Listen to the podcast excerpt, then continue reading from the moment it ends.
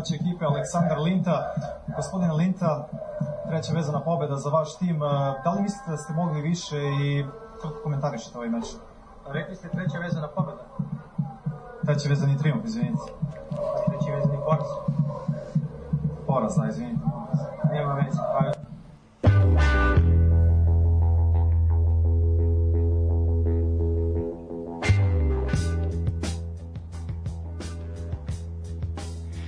Dobro veče i dobrodošli. Umalo treća vezana emisija bez Vuleta, ali Vule je Vule je prisutan, tako da nije poraz, nego je triumf, a nikad nije poraz, samo je lekcija. A nema veze. Nema veze. Vule, dobro veče. Dobro veče. Ponovo među nama. Treba da kažem bolje da naše, šta? Pa, iako to ne osjeća. Iako to ne mislim, da nemoj, nemoj. Budi iskren. Budi iskren, ne, u životu je bitno biti iskren, pa čak i kad istina boli. Mi bosanci smo iskreni uvek. Od kad si ti bosanac? Od uvek. Ja tebe, ja tebe. Ja sam banatski bosanac. Ti si banatski bosanac, to je po, posebno. Je, to je posebna jedna kategorija. Ako ikad, ako ikad izbije rat, vi ćete biti posebna govna. To je to. Uh, Niđa isto sa nama tu, dobro reči ljudi, evo, prazničan. Ja sam neki bosanac. Pa i ti, ti si, a... ja se bolje kamufliram. Jedno ti, a u brate, teška priča. Kako tebi izvući neku liniju? A sve smo mi, sve, sve linije vode ka Bosni, to je to, da, da. Civilizacija i krompir su krenuli. Ti voliš Feđu, to je to šta?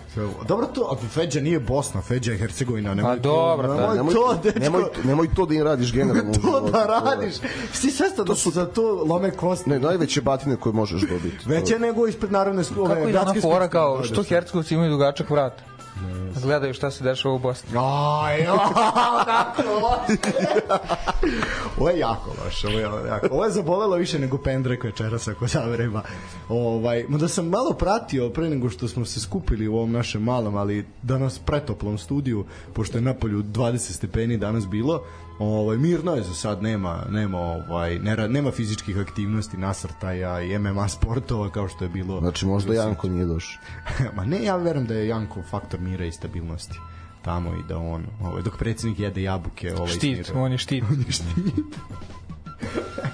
Ovaj našem Janku svakako ovaj danas čestitamo Božić i svim ne samo Janku, da, naravno samo svima Janku, da. i svima ostalima koji na slušaju i slave želimo da provedu to miru s porodicom tako je srećan praznik i srećan sve svi nadolazeći praznici jel ovaj ali ja verujem da ćemo se čuti još jedan put pa ćemo ovaj pa ćemo čistiti. Ja se nadam, pa ćemo svima redom kome šta treba. Tako je, sve po spisku što bi se reklo.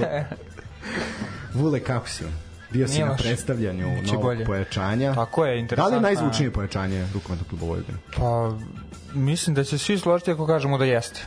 Znači, za one koji nisu čuli, ja tu Petra Đorđić, standardni levi bek reprezentacije Srbije, do skorašnje vedeta Benfike, novo pojačanje na slavnoj bari rukometaša Vojvodine, stvarno Voša šta radi u posle vreme igrama i s pojačanjima ozbiljan, ozbiljan evropski nivo i evropski projekat. Uh, ugovor je potpisan do 2026. Tako je. što smo videli. Uh, Đorđić je stigao, ozbiljno pojačanje i sam si rekao za nastavak ovaj za nastavak borbe u pohoda jel, u Evropi sad vidjet ćemo što do, do što boljeg plasmana što da. boljeg da. Ovaj mada ja verujem da će biti još pojačanja da on nije jedini je sad da li će biti nekih odlazaka? To je bolje pitanje. Pa iskreno nisam nisam do sad čuo i mislim da bi prilično teško bilo ekipi ovaj ne samo trener Rojeviću nego i njima pošto stvarno funkcionišu fenomenalno ove sezone. Baš danas sam nešto sumirao i gledam znači to je 14:0 u Superligi prolazak dalje ne, ne prelako, ali poprilično lako prolazak dalje u Ligi Evrope. Očekuje ih finale Superkupa. Osvojili su i su više lako sad sve srpski kup da, pre nekoliko dana. to je bilo stvarno ono baš Rojevićem sam razgovarao trenerom, kaže on najdominantniji do sada osvojeni sve srpski kup, a Voša je sve, sve srpske kupove do sada održane osvojila, sedam komada. Igralo se u Lazarevcu, tako je, igralo su u polufinale protiv Dinama, 47, koliko, 19? 19, mislim, to je bilo, ono, ne neočekivano, nego, znalo se da će Voša da pobedi. Mislim da, da to nije bilo upitno, koliko god Dinamo bio dobar i poštojen tu ekipu, ali očekivalo se 5, 6 do 10 razlike, a ne plus 20. A, drugo polufinale su činili Leotar i Borac, Tako je, Borac savladao Nešto Leotar. tesnija pobeda 34-30 za Borac. I onda smo imali finale između Vojvodine i Borca koje... Tako je. Pa isto, pružio je ovaj Borac dostojan otpor od 37-28 na kraju nije neka velika razlika, ali ne može jednostavno su loše kvalitetnije na svim pozicijama, možemo slobodno reći i Absolutno. nije se ovaj pobeda dovodila u pitanje. A kaže mi, igralo se paralelno i žensko finale između Jagodine i Borca iz Mnogo neizvesnije, interesantnije. Mislim da ovo drugi ili treći put mislim da je treći put da se igra uh, žensko finale sve srpskog kupa. Prvo je Jagodina osvojila prošle godine Indija i evo sada ponovo Jagodinu u finalu sa borcem, gde je borac izgledao možda i bolje čak od Jagodine, a Jagodina neki individualni kvalitet na iskustvo u, u malte ne posljednjim sekundama meča preko krila, preko Milice Andjušića došla do pobede drugog trofeja i evo nastavlja kao i proplasirana ekipa Super lige pohod na, na osvojila jedan trofej i nastavlja pohod na drugi, na trofej Super lige. A, dobro, ono što još imamo da dodamo da je Jugović iskačio osvojio kup Vojvodine, to je ono što je to treba, nešto tu što je bilo lokalno, da tako kažem, mislim su savladali, ne mislim ako se dobro sećam Vrbas u finalu. Ne, ne, Kikinda, Kikinda to je već tri godine zredan finale i mislim da je ovo prvo pobeda Jugović u, tu, mm. tim duelima. Aj sad, mislim, prošlo je, pa iskreno malo sam onako i zaboravio ovo strelce da. to, ali e, pričao sam sa Markom Gaćinovićem golmanom Jugovića, pa zato mogu reći on imao 13 odbrana, jedan najzaslužnijih za taj trofej. Jugoviću je prijela promena trenera došlo do promene trenera i ovaj Jugović igra dobro i ima solidne šanse da ostane u elitnom društvu. Da, ono što drma Jugović i to je negde onako mene zaista šokiralo da su promene u strukturi, odnosno u upravnom odboru, da je dosta ljudi napustilo napustilo klub, a klub stoji nikad bolje i to me onako poprilično iznenadilo s obzirom na kvalitetnu ekipu, mladu, ali kvalitetnu koji imaju dobre rezultate, zaista visoke pozicije na tabeli. na tabeli trenutno, to je da, sasvim solidno. Sa jednom zaista jako mladom ekipom, kažem treneru koju su dali poverenje, a nisu mnogo očekivali od njega, ispostavilo se da je to bilo sasvim sasvim sasvim ne solidno, nego više nego dobro. Ovaj očekuje se produžetak saradnje sa Tojagićem, e sad videćemo On je probitno se... trebao da bude trener do druge ekipe, da. Da, da, dru, došao kao trener druge ekipe, međutim nakon što su ostali bez prvog trenera, on je preuzeo, bio je dogovor do nove godine, odnosno do pauze. Ali sad, nema nema razloga za rastanak. E sad videćemo šta se dešava s obzirom da eto kažem promene u u tom nekoj stru... da ne neće reći vlasničkoj strukturi, ali u tom nekom upravnom odboru dosta odlazaka, tako da eto što se tiče ovaj eto nama bliskog isto ovaj rukometno superligaša od iz naše okoline eto zaista onako pa je na te, teška vremena može se reći ne toliko rezultatski koliko organizaciono i vidjet ćemo šta će se, šta će se dalje dešavati. Uh, ajde samo još kratko ćemo se vratiti na Vojvodinu, spomenuli smo to Đorđića kao novo pojačanje. Uh, imamo sad četiri standardna reprezentativca i ovog petog ajde povremenog i što je, baš sam to pričali smo pre nego što je Nikola stigo, to je ozbiljna priča, ti imaš jednu trećinu reprezentacije koja trenira zajedno svaki dan. To je nešto što... I to što je poseban plus u našoj ekipi, domaćoj ekipi. Apsolutno. Pa, pazi, gde god da su, ali su... Pazi, da. danas ja tu priča sa Đorićem, prva stvar koju je istakao i siguran sam da to i misli, drago mu je što može da igra vrhunski rukomet, znači Ligu Evrope, završnicu Lige Evrope u domaćem klubu. Absolutno. I to sam siguran da bi svaki igrač naš rekao. Naravno, svakom je cilj zarada, nema tu priče, ali naravno da, da mnogo im znači kada mogu da igraju u svojoj zemlji, da budu često s porodicom, s prijateljima i da igraju kako on kaže vrhunski rukomet. Pa apsolutno, ja verujem da bi svaki sportista pre da pre ovaj želeo da igra ligu šampiona, recimo fudbaler ili šta god da igra ligu šampiona, Evroligu ili šta god ovde sa našim klubom nego nego negde preko to. Pa, mislim, da... Ne samo to, nego ovde kad ima novca ne odlaze ni stranci, a kamoli naši igrači. Vidimo na primjeru Pantera, Ledeja i društva, kad para ima, nikom se ne beže iz Beograda. Pa da, pritom... Na, Natho koji hoće da ostane ovde da živi, Pa da, pritom ne samo para, nego ima neke organizacije i nešto nešto pa, funkcioniše, da. Tako da je, mislim, to je dobar i pozitivan primer i meni, meni se to zaista sviđa i to je nešto što malo smo počeli izgleda da prepisujemo od nekih nama ovaj bliskih bliskih zemalja, to je da se oni koji su okosnica da kažemo reprezentacije ili su deo reprezentacije ipak igraju u domaćoj ligi i to je jako jako značajno. Mislim to je benefit na više nivoa od toga da će reprezentacija ima be, imati benefit do toga da će ti klinci koji treniraju, mislim klinci pa znači upravo to koji igraju u Slavi, jel taj drugi tim, a treniraju sa prvim timom. Znaš ti kakav je osjećaj dolaziti na trening i kakav ćeš ti motiv imati, imati da se nadmećeš sa pet reprezentacija. Pazi, nije, nije Đorđić blizu kraja karijere, ali iskusan igrač sa 33 godine i mnogo toga ovaj, prošao, mnogo je dobrih utakmica odigrao za reprezentaciju, za klubove i sigurno će mnogo znači svim igračima. Evo, na primer, ta saradnja može biti sa Roganom, koji je takođe sad možemo reći standardan reprezentativac često na spiskovima, često u tim na užem spisku reprezentacije, užem spisku selektora Đerona i sigurno da će tu ovaj mnogo toga dobrog da iznikne. Pazi, ali imaćeš ti tu još jednog reprezentativca, imaćeš Trnavca. Tako znači, je. I već imaš Vorkapića. Pa njega smo računali u da, Vorkapić, tvorku, da. Đo, uh, Đorđić, Rogan, ko nam je četvrti bog te? Pušicu smo rekli kao Ne, a ko nam je da. četvrti? Uh, Dodić. Dodić, da, da, da. da. Povređeno. Šijan u nastajanju. Da, da, ima tu, pazi, do, dobra, dobra priča gde imaš ti, eto, nekoliko standardnih, neke povremene, Ali, neke buduće. rekao bih da sva, sve ovi dolasci, pored toga što je Goša dominantno domaće šampionatu dolaze zbog toga no, no. što je ekipa jasno izložila planove da u narednom periodu hoće u Ligu šampiona, što je vrhunac evropskog rukometa i što ako gledaš rezultate, ako gledaš razbiljnost kluba, ako gledaš upravu, trenere, sve živo, nije nerealno. I sasvim je dostižno u naredni godinu ili dve s obzirom da se radi postepeno, da se radi sistematski, da ima to sve nekog smisla, znaš da to nije preskakanje stepenica kao što neki drugi kolektivi u našoj zemlji su imali običaj da rade, pa se onda sumno vrate ovaj brže bolje. Mislim da je ovo za i taj taj momenat čak pazi, ispostavići se ključan moment kad se bude radila neka retrospektiva nečega, to, to verujem da ćeš ti sa svojim uvaženim kolegom ovaj Galićem raditi ovaj jednog dana ovaj da će taj ključni momenat kad su svesno odlučili e nećemo da igramo Ligu Evrope spustićemo se jedan rang niže jer smo trenutno na tom nivou ispostavilo se kao ključna odluka. Znači imaju dobar osjećaj da ok ne, ne lete visoko tu smo gde smo znamo gde pripadamo ali ajde da ajde da radimo na tome da napravimo naredni korak. I mislim da je to apsolutno jako jako pametno i dosta netipično za naše uslove mora se priznati. Znaš što je dobro, ovo Đorđićeva je poruka i imamo mi još reprezentativac koji igra u Ligu Evrope. On je isto igrao Ligu Evrope s Benficom, on se nije ništa spustio u suštini. A, on igra na isto. On je odlučio sa, aha, imam tim iz svoje zemlje koji igra isto takmičenje, pa čekaj, evo, ja ću da dođem da da napravimo nešto veliko zajedno. Sutra će možda neko drugi, pa još ako neki klub podignemo ovaj, u zemlji, to je prava stvar, tako da stvarno ja sam baš srećan zbog ovih dolazaka privremeno samo što nije dobro za ligu jer je stvarno ogromna razlika, ali ajde neka ovo, neka ovo motiviše bilo koga da napravi nešto sa još nekim klubom, kojim god. A mislim da je to trenutno teško. Mislim da mi trenutno nemamo tržište za dva jaka kluba, da eventualno drugi treći klub u ligi sa kogod to bio dalje to Metaloplastika Partizan ili kogod se našao na drugom i trećoj poziciji ili Dinamo Pančevo eventualno neka budu ti neki razvojni timovi gde eto ima najbolji primer je Partizana prošle sezone gde ti imaš jednog zaista bisera ovaj a mislim na Trnavca jednostavno dečko pređe na stepenik više, to je put Vojvodina. Nek bude taj Bayern sistem, znaš, taj najkvalitetniji uzet ćemo dok se neko ne razvije. Mislim da nemamo mi para i nemamo tržište trenutno za dva ili tri takva kluba, to teško izvodljivo.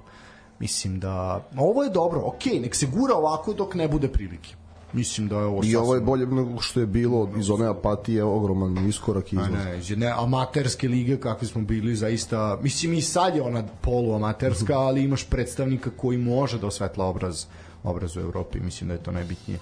Uh, dobro, šta nas očekuje? Prvenstvo nas očekuje, je tako, početkom godine kao i standardno? Pa mislim da malo i pa kasnije počinje, ne baš Pa dobro, to je standard onaj da, svi se sete rukometa u januaru, ono to. to je... Dobro, prvo ono sad prestoji evropsko prvenstvo. Tako je. O, nešto pripremaš za to ili ćemo to ostiti kasnije kad bude se... Pa ništa, možemo ono ukratko samo još jednom podsjetiti, pošto smo već pričali, prvenstvo od 10. do 28. januara u Nemačkoj. Pre svega, ajde, pre i grupa i toga treba pomenuti da će biti sjajna atmosfera, da će se igrati na futbolskim stadionima, gde će biti 45-50 ljudi, što možemo će spektakl da bude e, Srbija u grupi C sa Islandom, Mađarskom, Crnom Gorom, grupa koja zvuči lako, koja, ne, koja zvuči svakako, koja zvuči ono, kako god, sve zavisi ili pratiš, ne pratiš, ili da li živiš pre 10 godina ili si sada trenutno ovaj, krvavo, krvavo, tu da treba. Znači, može, možemo bukvalno da budemo prvi sa ekstra skorom, možemo budemo da ispadnemo ali komotno. Znači, komotno. Tako da stvarno će biti neverovatno interesantno. Mađari uvek nezgodni, Crna Gora solidna, e, vedete ekipe su nagovorene, doće da igraju. Island koji ima isto sjajan tim, mi koji imamo ekstra tim, tako da biće stvarno interesantno i prvenstvo, da, ali opet interesantno je pomenuti da ovo je Gironi treća ili četvrta godina s ekipom. On je već tu neki duži period, ok, dato mu je vreme i super što mu je dato, ali ne, ne, bi rekao, ne bi rekao da vreme ističe, ali mora nešto da se uradi. Na primer, top 8 mora neki rezultat da. To posle je sasvim solidan rezultat, nije nerealan. Glupo je reći, mi, mi smo, nismo mi možda još za to, ali sasvim je realno da se dođe do toga. Pa un, što bi bilo super unapredio, ono. Unapredio jeste igru i sve, ali sad je vreme, ok, bilo je... Da, moraju rezultati da dođu, da, da, da. da. Svetsko prvenstvo čini mi se 11. da smo na kraju bili, što je ekstra rezultat, ali dok nisi u tih 8, dok nisi u tom finalu, pa nemate. Dobro, mislim s tim da ono i to svetsko i to svetsko prvenstvo je bilo evropsko prvenstvo plus ovi indijanci sa strane plus Egipat da da plus, pa i Brazil i to mislim šta je tamo je bilo ne ne Egipat je jedini legitiman bio oni da. su među osam iz nešto... sve ostalo, na zeleno-rdska ostrava. Dobre, dečko, smiri se, pusti ljudi da igraju rukomet. pa pušta me igraju i ovi ne, moji. Uvek voli da izbaci deo Milovano Jovanović da. Da, da, a to je nešto što, misli, koga zanima košarka, muška, ženska, šta pratimo samo futbal. Ne, elem ovako, Danas je obavljen žreb za četvrtfinale Kupa Srbije, eto, baš na danas, na katolički Božicu. Se u futbalu. U futbalu, tako je. E, izvučeni su, mogu reći, poprilično zanimljivi parovi. E, igraće se 10. aprila utakmice, prvi četvrtfinalni par Čukarički Vojvodina, što je dosta, dosta zanimljivo. Jedini pravi derbi. Ako pa, se može nazvati derbije. Pa može, vidi i sledeća ništa manje zanimljiva, to je Radnički Kragujevac Novi Pazar. Crvena zvezda izvukla Vršac, tako da Vršac tu teško da, da će moći nešto. Ovaj put nisu imali sreće. Da, ovaj put zaista nisu imali sreće, da vidi, zašto ne bi izbacili da, trećeg? Zašto ne bi? Ludi su banaćani to, zašto ne bi izbacili? Tamo duva vetar, ma. da, da, vidi, tamo je ozbiljno ozbiljan problem. I Partizan Voždovac. Ovaj, pa dobro, dosta, dosta zanimljivih parova, biće, biće zanimljivo za gledanje, svakako sva četiri duela su zanimljiva. 10. april, kažem, onda nas u maju očekuje polufinale. 10. april i kod nas, aha, neki ćemo da igramo ovamo, neki, možda nećemo tad, neki ćemo ranije. Ne, ne, svi će Misliš da će biti 10. Ma da, pa svi su pa ispadali iz Evrope, pa nema šta, svi igraju. To je neko, ko zna, smislit će neki razlog. Smislit će neku glupost, pa vidjet ćemo, ovo, ako bude neke revolucije u državi. Neko bude opet ona aprilska kiša, onda... Ma da, pa dok padne sneg u aprilu. pa mislim, Što da ne? Što pa Kad je sad 20, brate. 20 stepeni, zašto ne bi bilo da... Uh, a znaš šta je najgore? Baš sam o tome danas razmišljao. Pa sad, sad imaćemo, znači, 10. februara se nastavlja liga. Pazi, do 20. januara će biti top vreme. I onda će ja, da. zagrmeti najstrašnije kad treba da se nastavi. Znači, Može sad da se odigra još dva, tri kola na brzinu. Trebali su, pazi, pazi kako je, lagano je moglo da se odigra, lagano. Ne, ja, ali ne tačno vidim neki pljusak ili sneg 7. februara. On, to, I onda da, da, i kreće oko, panika. Oko, da, da. I onda kreće, a još šta ćemo Odne, sad? Odlažemo za 17. da, da. A, dobro, ništa momci moji, odigrano je to za ostalo deveto kolo među u kom je bilo i večitog derbija. E, pričali smo mi, Vule nije bio prisutan, ali mi smo sumirali utiske naših timova u Evropi i ta, ta agonija se završila. Pa samo bi ja još napljivo bukvalno. Tako da sve okej, okay, da. Računajte da sam ja napljivo i da, to je da, to. Da. U suštini sve to prosto... Tuga, tuga, tuga kad se bereš, znaš, možda ovako, mislim i pojedinačno je naravno loše, ali to, to one brojke, znaš, ono vidim, u glavi mi ono, ne znam, 32, 1, nešto tako, pobede, porazi, ne, ne, nešto tako bilo, prosto ono, da, da, samo jedna, jeza, brate. Samo jedna pobeda, baš. Da, I to koja, Mislim, da, da. razumeš. Da, tima koji je ispao. Koji je ispao da. poražen 5-0, razumeš. Da, da. Strašno. E, tako da, eto, to, to se završilo ta agonija, pali smo na 19. mesto, to je isto onako... Ja se zna sad tačno, ili se još ne zna kakve smo... Pa ne, ovaj... vidi, za narednu sezonu se zna, e sad šta će biti, to sve dosta još zavisi, to ćemo... Ne, ne, mislim, može se pričati i sad, ali ono, ajde da, da se... Ma, ima vremena. Što, da. što znamo sigurno. Uh, utakmice su se igrale preko radne nedelje, kažemo za vikend je trebalo da se igra još jedno kolo, međutim eto uh, brže bolje su potrčali da sve završe, a realno se moglo odigrati, pa da se tamo počne 17. a ne 10. februara, ali dobro, šta sad, šta je tu je. Uh, donekle mi je pravda vam kažem i drago što se to završilo ovaj da idemo da se da se više ovaj ne bavimo domaćim fudbalom. Znaš šta mi nije jasno? Mislim to sad ne može da se vidi, ali ja i ti ovako sedimo kao da nam je hladno, a jako je toplo ovde. Pa mene je za Nikola jedini sedi gospodski. Ja i da. ti ovako sedimo, brate, kao... Zato što, ali priznaj zato što razmišljaš o tom odnosu jedna pobjeda kad te ne reši da, 28 pobjeda. hladno mi je. Da, kao, kao mi je hladno, da. Uh, a i setio sam se kako je bila zima na ovim utakmicama, pa mi je... Setio se Javora Ivanjici. Aj, jo, bože, sačuvaj, znači, treba... Tamo se tako sedi. Mi imitiramo kako se sedi na stadionu. Ne, vidi, svima u Ivanjici koji rade u tom futbolskom klubu treba da beneficirani radni staž. Znači, kao oni elektromonteri što rade na ovim dalekovodima, otprilike. Osim, tamo na osim, osim ovima koji održavaju teren. A ne, nije njih bi tuko po ušima, mislim, to, to je tačno za zabati. Ja sam čuo da je stadion nešto, ono, da su tribine 90 stepeni nešto da se sedi bukvalno ne? tribine su mali pa pa to ti kažem da ono sedeš u krilu nekom bukvalno. pa dobro da ajde može se reći. Dosta je naš našta a, a to je zašto je hladno Da, da, razumeš, da, da, se ugrio. Se ugriješ, i pa predlaže se da go dođeš da gledaš. Znaš, da, da bude prisnije. Da go i da onda sedneš nekome u krilo, da, da. to je vrhunski za gledanje. Strašno. Uh, dobro. Uh, prva utakmica koja se igrala utorak bila je uh, i duel između radničkog u Kragujevcu i radnika iz Surdulice. Uh, počećemo tom utakmicom. Uh, to su bile prva od te dve utakmice tog dana, druga je bila večiti derbi koji mislim da ćemo ostaviti za kraj što se tiče komentarisanja. Uh, što se tiče radničkog uh, Radnički imao zaista nekoliko teških utakmica i kup, imali su i TSC i Partizan, ali eto, uspeli su da uspešno završe u godinu pobedom nad Radnikom iz Surdulice i zadržali su priključak za timovima iz play-off zone. E, nisu u play-off zoni, ali su blizu. Što se tiče Surdulice, njima je svojim drugim golom u sezoni pre, presudio Sahli ovaj, ili Vajdi, kako god upisano je na različite načine svuda. Sjajno udario glavom. Uh, radnik užasna serija. Lepa i akcija. Ne, mislim nešto što onako i oček, već smo navikli sad već od radničkog i, i dobro je što je tako što su nas navikli na lepe stvari radnik produžio zaista užasnu seriju i najgori su ubedljivo najgori i to apsolutno zaslužuju to poslednje mesto uh, imaju šest bodova manje od zone spasa i ja iskreno uz neka ozbiljna pojačanja ja ne vidim kako oni mogu bilo šta uraditi u nas. Dovode ubi pari pa i Varečića. Ono, ko će otići tamo sad isti lud? Pa ima i toga, ali zamisli ovaj dvojice, do dvoje da dođe, pa to je play-off borba. Znaš zašto neće, znaš zašto neće Ubi Pari potići? Spartak će prodati Đurasovića i bit će im potrebno da zadrže roster, jer prodaće jedno... Biće im Ibrahimović. Pa treba će neko da, neko da, mora neko i ostati, ne mogu svi otići, mora neko i da ostane. A nije, nekako se ne nazire da u Surdulici ima ambicije da se ostane. Evo, možda ja grešim, ali čini mi se da su i oni svesni da je, eto, kao, koliko? Ovo je, mislim, deveta sezona. Da, 9 godina, ok, dosta. Da, samo da vidim, imao sam nešto za imao sam nešto za Surdulicu, da li sam to izvukao ili mi je ipak promaklo. A, delo je da mi je promaklo. Što se tiče... Nemaju pobedu od avgusta. Da, ali ne to samo nego da su oni u prvih uvodnih nekoliko kola bili neporaženi. Neporaženi, Tako primili su tipa jedan gol u prvi pet kola, nešto i to su autogoli neki o, bio. Oni su mislim primili dva gola u šest utakmica, pa onda tri od Partizana, da. ako se ne varam, tako nešto. Tako I, onda, I do te do te utakmice nisu imali poraz, imali su pobedu i pet remija. Da, ne mogu, da ne vredi, ne mogu to sad da pronađem, očigledno nisam ovaj ubacio, ali sam pročitao da, to i vadim ja iz glave šta Da. Pa ne, znam da pazi, imali su granitnu odbranu i tu Ranđelović je bio vrhunski i sve dobro posle se i povredio.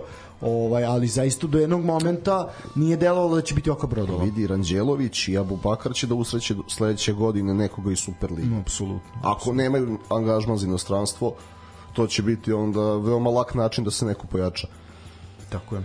A već ima tu još nekoliko igrača svakako naravno, ali eto, njih dvojica su se isticali, malo su usamljeni bili u toj odbrani, a s druge strane napad je onako prilično prilično pasivan.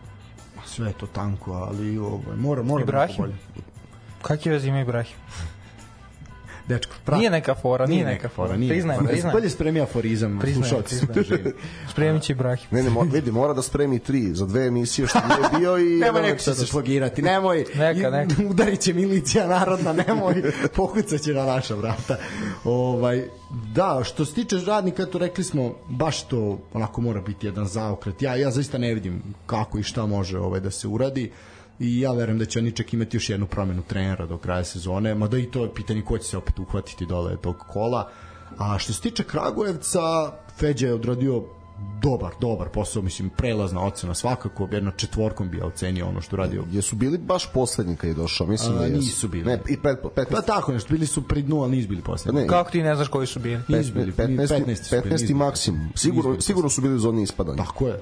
Šest pobeda. Što reći? Feđa efekt. Mogao je da pobedi Partizan. Realno. Šteta što nije. Zvezda, šteta one administrativne greške, gde se piše 3-0, ok, jesu izgubili, ali šteta moglo je. I držali su se dobro, pazi, to je individualni kvalitet presudio. Ove, šta, šta je njima raditi u prelaznom roku? Šta je njima radi? Slušati Feđu. odraditi dobre pripreme, ne škripe na nekim pozicijama, mada će svako pojačanje dobro doći, to svakako, ali deluje da su im to lepo ukombinovali, mislim, stranci rade posao. Pa malo još, malo još motorike fali u, veznom redu i jedan štoper. Ovo mislim što se tiče što se tiče krila ofanzivnih veznih imaju dva dobra napadača koje se dopunjavaju kad je jedan povređen ili ne igra ovaj drugi obavezno daje Ne gol. osjeti se razlika, da, kogo da igra od njih dvojice, ne vidi se. Pa ne imaju ekipu, znaš, uh, lepo to Feđe radi, zavisno od toga ko igra špica, on tako promeni i krila. Imaš krila koje su kompanije, kompaktnije sa Jeffrijem, imaš krila koje su kompaktnije s Fidakovim. Na osnovu toga Feđe radi sve i to je mnogo dobro. Tako da i ima naravno dovoljno i pre svih Luka Zorić u veznom redu koji su bacili iz drugog plana, ali treba još jedan takav. Naći će Feđa nekog, nekog zanimljivog, ja, ja uopšte ne sumnjam u to i zaista, mislim da mislim da tu isto nas čeka onako jedan Možda da zove ne, Zvonića iz Veleža. Tako je, tako je, tako je, to sam teo reći. Mislim da nas čeka ne mnogo pojačanja, ali da će biti zanimljivo. E, dalje, Novi Pazar Spartak. Boga mi, ovde smo zajedno s našim gostima svi u prošloj emisiji prognozirali da će Pazar lako doći do bodova. Međutim, kada nema Adema Ljajića, to je zaista drugačija ekipa. Glavna zvezda Pazara je zbog povrede napustio igru već u osmom minutu i to je zaista u velikoj meri pokvarilo pokvarilo ovaj planove i načine igre i mehanizme domaće ekipe. Uh, bilo je tu borbeno, bilo je tu trčanja, sve tu u redu, ali nije bilo kvaliteta. Nekoliko šansi su imali jedan i drugi i Šćepović ponovo svoju magiju, ovaj on ono zaista ja ne znam kako pleni, više ono svoj magični prah prosipa svuda.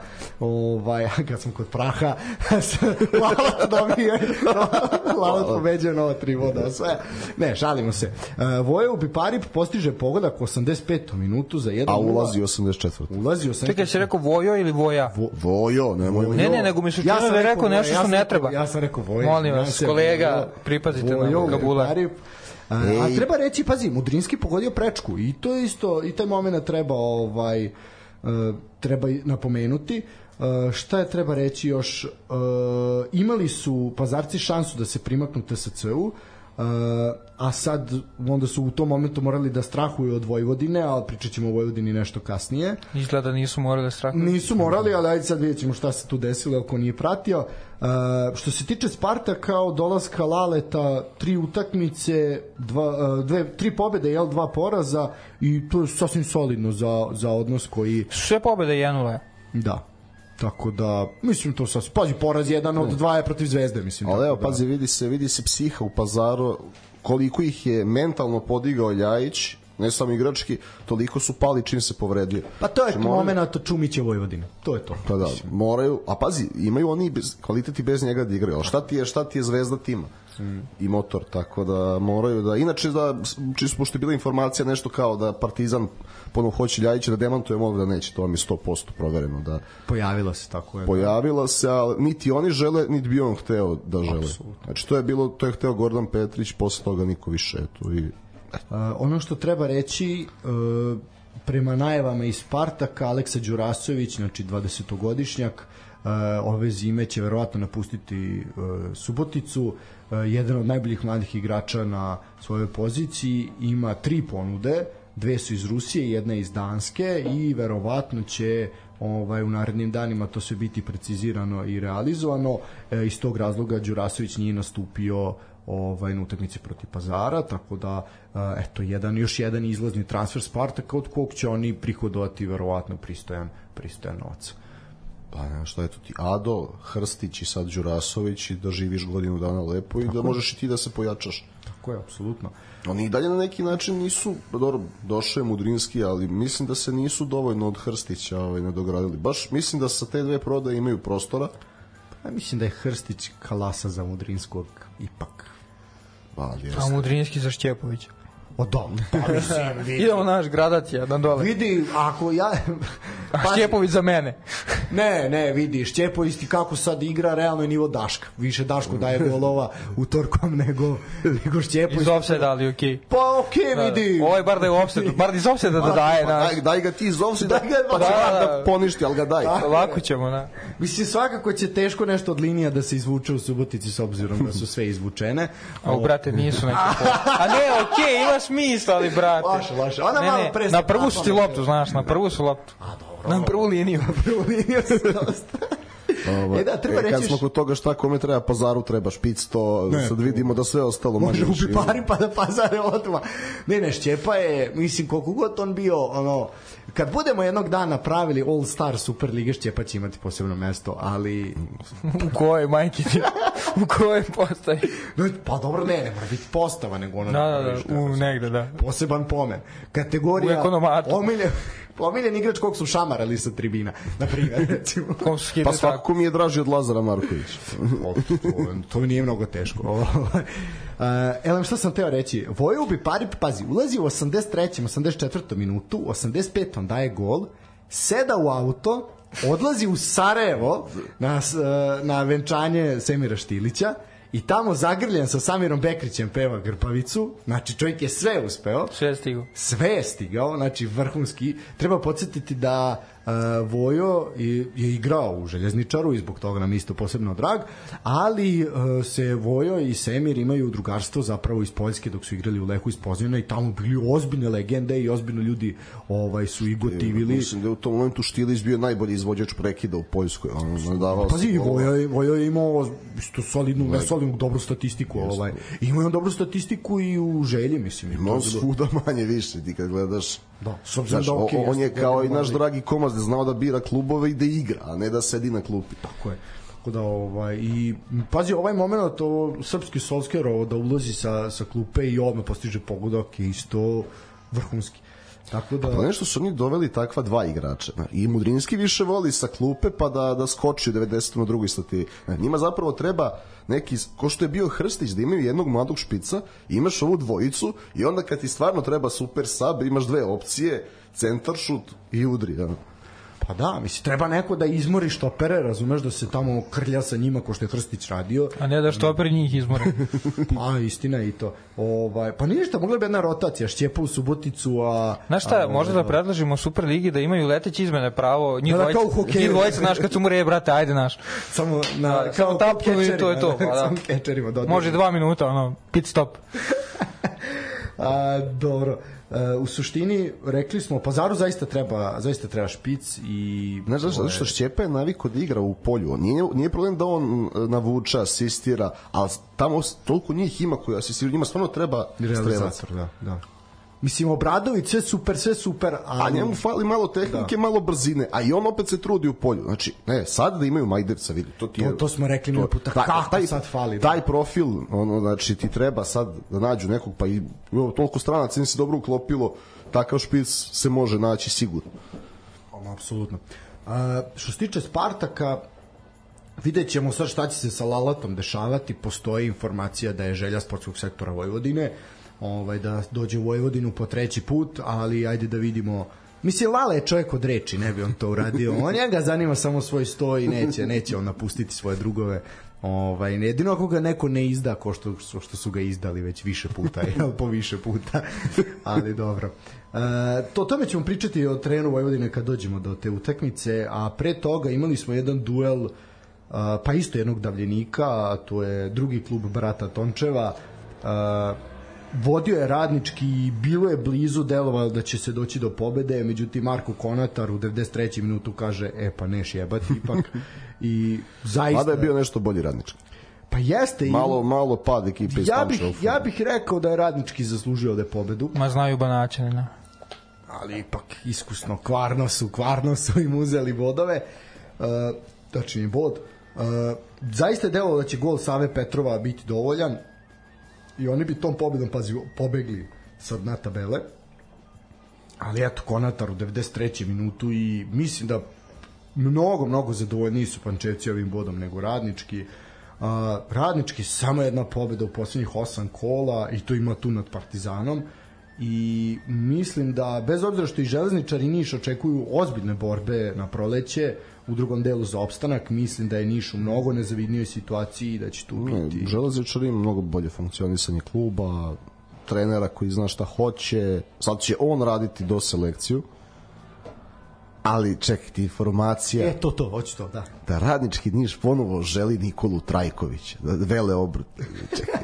ali kako, kako si Niša Pavić serija? Znači, ono, da, da, sad... Dobro, si Niša je južnjak, to što je on rođen u Sinju, to... Dobro, da, ali poreklo je vam. Pa da. Uh, Pa ne, ali baš ono, znači kao... Ne, meni Trajković nedostaje ovih nekoliko kola. To... Ne, fali neko da stavlja glavu na panj, mora to neko i da, mora i to neko da radi, ne može, ovaj, pošto, znaš, ali, ali fali taj moment, fali taj moment da neko kaže puće, fali žrtva naša. Fali žrtva, fali, ovaj narod voli žrtve, znaš, ovaj narod voli žrtve. Volimo drame. Fali ali ovaj, stvarno o, eto ta pobjeda nad Partizanom što kažeš gde su igrali stvarno dobro. A mimo toga nisam vidio ništa, ali ništa. Znači, bolje se igralo po Trajkoviću. Ne znam, opet nisam vidio jedan razlog da on ide. Ovom, ovoj ekipi treba minimum pet igrača. Da. Znači, minimum pet I to igrača. na svim pozicijama. ne znam, pa ne znaš gde pre. Da kažeš da ostaviš Andriju Stojanovića, Petrova i donekle Pejovića, svih ovih, i, evo, i Bože, Golman, Rosić. Da. Sedam igrača da kupe komu. Pa da, sve to u redu, ajde dovedi ih. Ko će ti doći? Znaš, svi znaju šta je dole. Pa, ne, pa neće ni Surlić, ni više. Pa da. Aj reci nešto, deluje mi da sam ti izgubio. Pa nešto si. Ne, ne, ne, dobro, dobro, da, malo, malo, malo šuškaš. Dobro, nestajalo je, ne znam da li kod mene nestajalo struje danas, ovaj, nisam mogao da radim ko čovek na stali detelinari. Miniraju nas ponovo. Zato što smo kakili prošli put. Ovaj, a možda i zbog mog teksta, ponovo da smo malo potkačili. Mislim da što smo dobijali akreditacije za Vojvodinu smo dobijali da ako ovako nastavimo da... Ja ih nisam ni tražio. Da, da, pa vidjet ćemo, boga mi, čini mi se da sledeće godine teško da će biti. Uh, što se tiče, da, radničkog iz Niša, pa jako teška situacija i ja zaista, mislim, pričali smo o tome bezbroj puta i evo ja ću bezbroj prvi ponoviti, vreme je, brate, da ispadnu i da se to stabilizuje sve i onda... E, ajde da, to nismo, ovaj, to je bilo pre mislim da je utorak bio prošli, pa nismo ni mi pričali o tome. A, ova dodela nagrada što je Pixi dobio. Aha, e da, da, da. I uglavnom, sad ne, više ne znam ni koja je nagrada. Mene je samo zanimalo što je on rekao. On je rekao da jednog dana može dođe u Niš, ali kao trener, ne kao predsednik kluba. Ne. To je to, ne, to, to je pogrešno. Pa dobro, ne bi on bio običan trener svakako, da, da. to znamo i ti i ja, ali Pojenta je, mislim da on ima fol, on je jednom bio predsednik kluba, dobio pombu i hoće, rešio da bude trener. Ovaj tako da opet ponavljam, mislim da je dobro da se i ne mora da bude zvanično klubu, da je dobro da se selektor uključi da, da vidi, da, da kaže ljudi ovo ne valja, ne možete ovo da radite, evo ja ću da vam pomognem, nekim pomogne kontaktima iz Japana, Bela sveta, odakle, da dolaze igrači, da, da, bilo šta, samo da se nešto pokrene s mrtve tačke. Pa, Oni će da troše trenere, trošit će neke mlade igrači, vrteće se u play-outu, Radnički mora da ima ambiciju za play-off i Evropu, mora. Niš kao grad neka radi na primjer ovo što Dulja radi sa svojim kontaktima da ti dođe Dario Srna koji ti pronalazi igrače pa, ti, pa će ti možda tog igrača i otkupiti. A možda će i dva da kupi a, to, doći ćemo do, do toga. Da. ovaj, znaš pa neka pomogne tako mislim neka pazi, uh, imamo tu sreću da je zaista skoro svaka sredina dala nekog velikog igrača. Znači jednostavno dajte da se pomogne ovaj apsolutno svaki grad može ima svog nekog velikog predstavnika koji je još uvek ono aktivan. Ali Niš ima najvećeg predstavnika u tome što se. Tako je, tako je. Znači, što, ka, što kažu ovi stari, bio je drugi igrač sveta samo što je Maradona bio prvi. Mislim, Da, i onda je našao da se nastavlja sa Vidićem i Raditom Bogdanovićem. ne. ne, ne, kako, kako je postao baba preko noći, to me samo zanima. Zašto to, znači, ali... A ne, baš je propastio sve. Znaš, znaš, znaš gde sam ga najviše cenio? Malo sad idemo od teme. A ono kad je na primjer, Tumbaković je tamo podilazio Terziću ili kome, pa eto, nema ko da igra desnog veka, pa ću zovem Gobeljić. I onda dođe čovjek, ja ću radije da stavim futbalera koji ne mora biti ta pozicija, nego ne futbalera. I čovjek stavi Andriju Živkovića koji nekad nešto, kad nije igrao wingbacka, da igra levom nogom na desnoj strani i pobedi Portugal tamo. E, te futbalske, te stvari sam toliko cenio da sam se nadao, evo ga, imamo, imamo nešto. I onda on dođe, da se bavi tu Dorijanskim jezerom. I... da, neverovatno je ta, ta tendencija ljudi da se uvuku u blato i da se onda mažu tim blatom i da viču da je čokolada. Da, znači, to, to, to, ali zašto? Meni to... Znaš ko je tu najjači, brata Đora? Da, ko da, ali, ali on je najjači, ali on je najjači.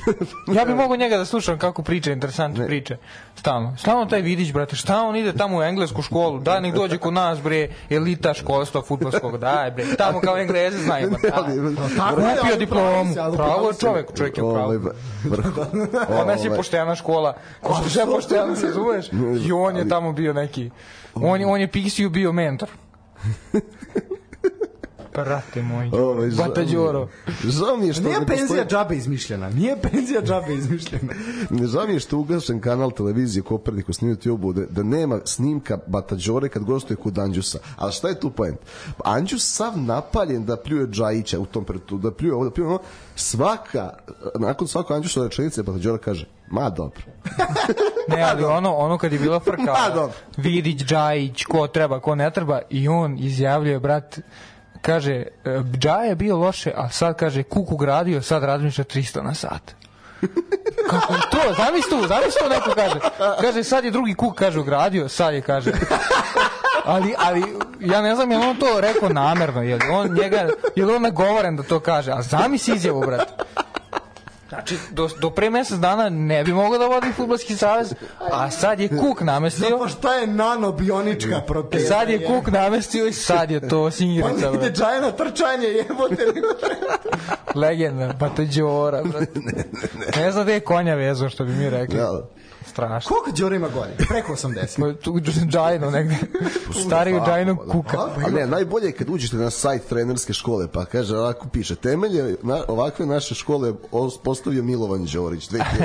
Tepi, ti sve ti je jasno. Sve ti je jasno zašto ljudi ne treba da idu u tu školu. Pazi, kad je tamo su ti glavni Dule Savić i Bata Đora. Čemu? Bata Đora još i Bože pomozi tu. Pa da smo Duleta Savića smo svi Bože pomozi. Bata Đora bar ne izučava masoneriju, znaš, to... Da, istina, istina. Ne šeta za majicama po gradu, znači... ne, ne, ali opravo si, sam si zaista poentirao, znači, ali, ali to je, a ti shvataš kakav je to, A znaš šta još, ono, idemo još dublje. Možda neko, ne, ne, ali možda neko pročita to i kao upravo je. A, znaš kao, a taj koji to pročita i upravo je taj glasao za Nestorovića. To ti tih 5%. Da, nemoj sad u politiku boj, skroz. Dovoljno sad ovo miješamo. Da nije nego za vlast, ali... Pa, to ti. Ne, ali, ali, znači, evo, čovek izjavi taj Bata Đorić, nije važno, ja mislim da brate. Da su, slušaj, izvini, ja mislim da su Dule Savić i Srđan Đoković glasali za Nestorović. pa da. ne, ali izjavi lik, znači da ovaj što je namestio kuk i sad radimo 30 na sat i neko kaže jeste. A meni to, mene to zanima, jel, jel neko, jel postoji osoba na svetu koji bi rekla, dobro im je rekao, jel tako nešto. Sami tu izjavu, brate, zamisli sve to.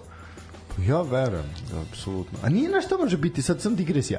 Brate, ko Batađoru podržava, to je SPS. To je ipak SPS, Batađora je ipak SPS. Da, to je trajni centar, da, znači, to ne menja se decenije. tako je, tako je.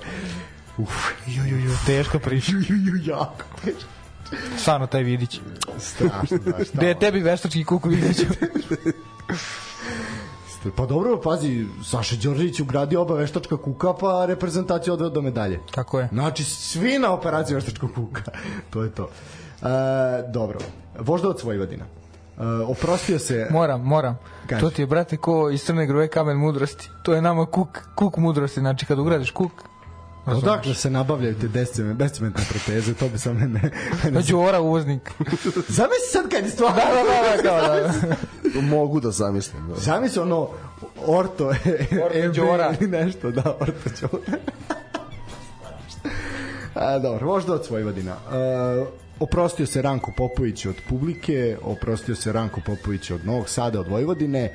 Uh, u jednom eto novosadskom klubu, reći ćemo u kom tremi je bilo ovaj slavlje gde je koktel da tako kažemo, gde su zagrljeni on iz Bilić. A boga mi se kiselim osmehom obojica ovaj pevali a sada dio i dosta jedan aprijatan moment u tom trenutku onoga ko je snimao, ali taj moment treba da ostane onako uramljen. Uh, ali pozitivna stvar Znači ne odlazi se preko medija, preko svađe, preko ne, vidi. sranja, preko znači rastanak jedan rastanak. od ovog trojica bez kormilara je lepo to napisao u svom tekstu na koji je objavljen danas na 21. Ovaj pazi, došao je tiho, stvarno niko ništa nije očekivao od njega, čak i mi ovde koji smo zaluđenici smo nismo bili toliko ovaj da kažemo puni poverenja da će on nešto i nade da će on nešto uraditi ali pazi gospodin je došao i otišao je kao gospodin. Pazi došao je i sve u sportskom centru odnosno fudbalskom centru u Jadin Boško prvo izveo na večeru. I to je negde tako to rade gospoda. Znači odmah ako pokažeš jedan gospod ne ideš džonom nisi bezobrazan nisi bahat jedne manire pokažeš onako do duše on više ima ovaj da kažemo te manire sa istoka nego sa zapada pošto je više tamo radio ovaj i lepo je svima pripremio i poklone za rastanak. I to je nešto što je zaista jako lep lep momenat. Ok, ali treba reći da je od jedne izuzetno dosadne Vojvodine napravio zanimljivu, nezavisno od krajnjeg ishoda. Tako je. Ovaj, nazvali smo ga GG3+, i tako si je oprostio. Jeste, apsolutno. I ovaj, ja u tom momentu GG3 plus ja ne vidim ništa loše. Ne, ništa, ne, ne, znaš da će nešto se dešava. Tako je. Vojvodina je sigurno gledanija sad nego na početku nego sezone. Mislim, Ja samo molim vas, nemojte Bataka vraćati. Moj, ja kao neko ko je zaista... A to bi tako bilo Dragoljub Zbiljić. Al pazi, pa bolje da dovedu tog Trajkovića koji se jadan tamo nudi nego nego Bataka. Batak mislim da Ne, ne znam da se nudi. Pa nudi se ni mislim ni ovo ni ne da se nudi A, nego što pričaju u Nišu, ja. Odmah treba da ga uzmu. Da... Odmah. Ne, ono što bih ja, samo za trenutak da ne, odemo prelako preko Ranka Popovića, Pazi, pojavila se spekulacija i čovek je odmah na prvoj konferenciji za medije rekao ljudi takva i takva je situacija, otvoreno, iskreno, znači što opet isto zaista cenim, nije bilo ono, znaš onaj moment uprava je uz trenera i onda sutradan dobije otkaz, ovaj, nego da se otvoreno reklo takva i takva je situacija. I Izbiljić je isto rekao na tom obraćanju u Tremi, rekao je, pazite, nakon ovoga što je Ranko uradio i neke temelje postavio i ponašanja i odnosa i svega, narednom treneru neće biti lako. Pazi sad, ima si čovjeka koji je, ok, za par meseci stekao poverenje, bio omiljen i sad treba neko da dođe i treba da, ono, očekuje se sad nešto, znaš, kad dođe neko bolji, sad sledeći mora biti bar za nijansu. Pa, ne, Ranko se više ponašao gospodski, a Vojvodina jeste gospodski klub. Znači, ne možeš ti, to ono što mi rekli, ne možeš da imaš u istoriji Vojvodina Boško i budeš mali klub. Ne može. Ali zna se onda moraš da se ponašaš kao Vojvodin Boško, da svi težimo tome. E, I svaki sledeći mora da mora da bude takav, mora da poštuje tradiciju, da poštuje omladinsku školu, da se zna što je ambicija, ne može da se bude šesti, sedmi s Vojvodinom i da se kaže da je to dobro. Jednostavno, ti si treći najveći klub u Srbiji, to moraš da pravdaš. I na terenu i van njega. Tako je. I ono što je meni, ono što si rekao, ja se tu apsolutno slažem, Vojvodina je bila zanimljiva za gledanje. I, i uvek se igralo i pazi taj momenat i oslabljena a bila tebi kad voliš 3 plus pa pazi ali ne da, da se mi na stranu na bilo interesantno bilo interesantno interesantno golovi prvi šest prvi šest ja, kola sa Batakom prvi šest utakmica četiri kola i dve u Evropi jel ovaj i ne samo to nego što uh, Vojvodina oslabljena drastično odlaskom Čumića. Tako je, pazi mi, čovjek... To što mi volimo Kembela ne znači da on taj nivo. Neko je morao da dođe, pa je morao. Pazi, nije Bolingi igrao. Tako I to, je. taj peh. Sve, vidi, sve sam to lepo navio u svom tekstu. Pazi, dolazi ti čovek, isposi iz Evrope, prelazni rok kriminalno urađen, odlazi ti najveća zvezda kluba, onda ajde doveo si uh, Kembela, šta se onda dešava? Bolingi ti preko noći završava u intenzivnoj nezi, na intenzivnoj nezi u Kamenici. Za njega je realno sezona verovatno u tom momentu bilo bilo pitanje šta će biti sa životom, a ne sa sezonom. Uh, naravno srećom sve sve se stabilizovalo i sve je normalno. Pitanje videćemo kad ćemo ga videti na terenu i da li ćemo ga videti.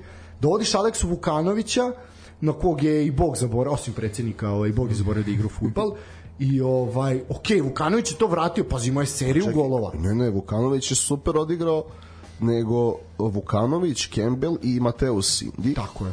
To su tri igrača koje je doveo Ranko i svaki ima ulogu. Apsolutno.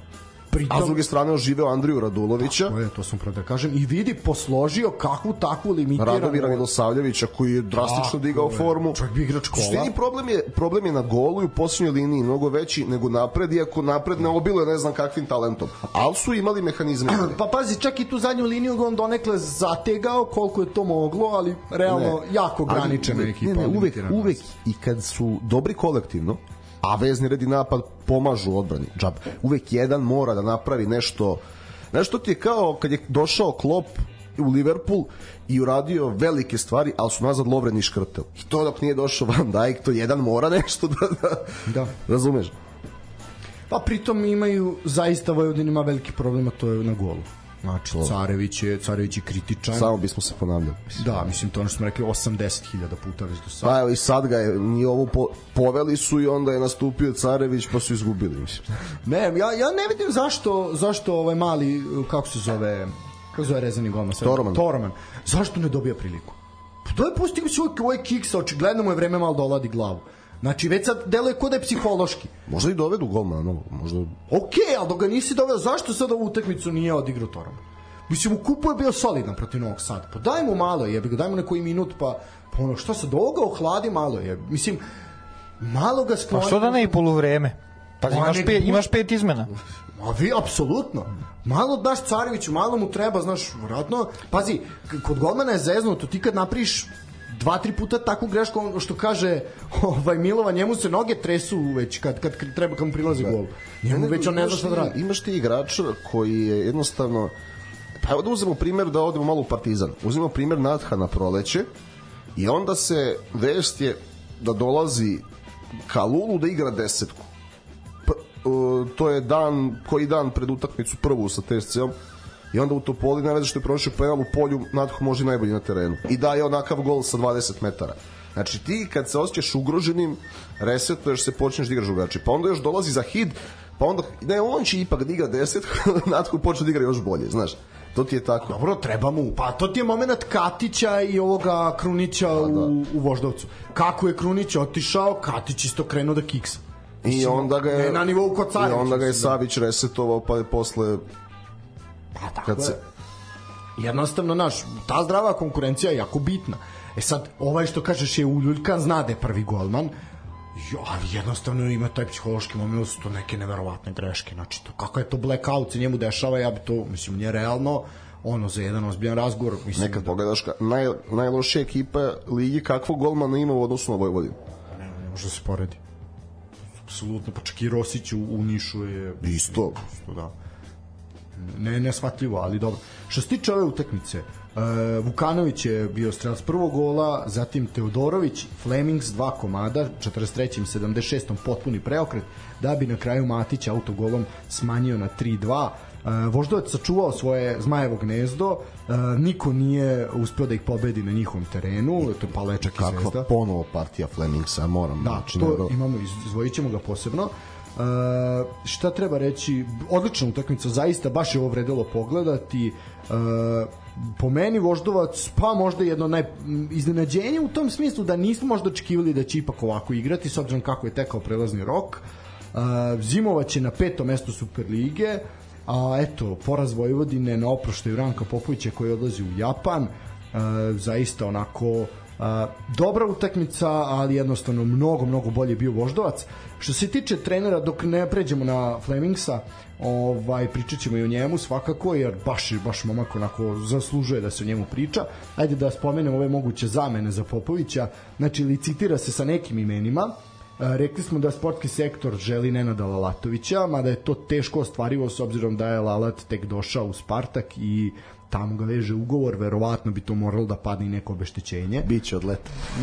no, verovatno. Ovaj, ili će se Vuletovih četiri, četiri više trenera, ovaj, četiri i po više trenera ostvariti. Uh, tu je još i nama zaista malo poznati Marko Mitrović, uh, svojevremeno bio desna ruka Veljka Paunovića u selekciji Srbije koja je postala svetski prvak, a trenutno je selektor reprezentacije Sjedinih mečkih država do 23 godine. Uh, ono što treba reći da je uh, nekako nama naj, naj nama najdraži ime na ovom spisku pored Lalata ovaj, Valdas Dambrauskas, nekadašnji trener Ludogoreca, Gorice i Hajduka i čovek za koga znamo kako radi s obzirom da smo ga, da smo ga ovaj, pratili u HNL-u i onako jedan studiozno moderni trener kom zaista uh, koga bi zaista ja želeo da vidim Aj, ovaj, ovde. Ja bih, ali da mu onda daju. Da mu daju vreme. Da mu daju vreme, da.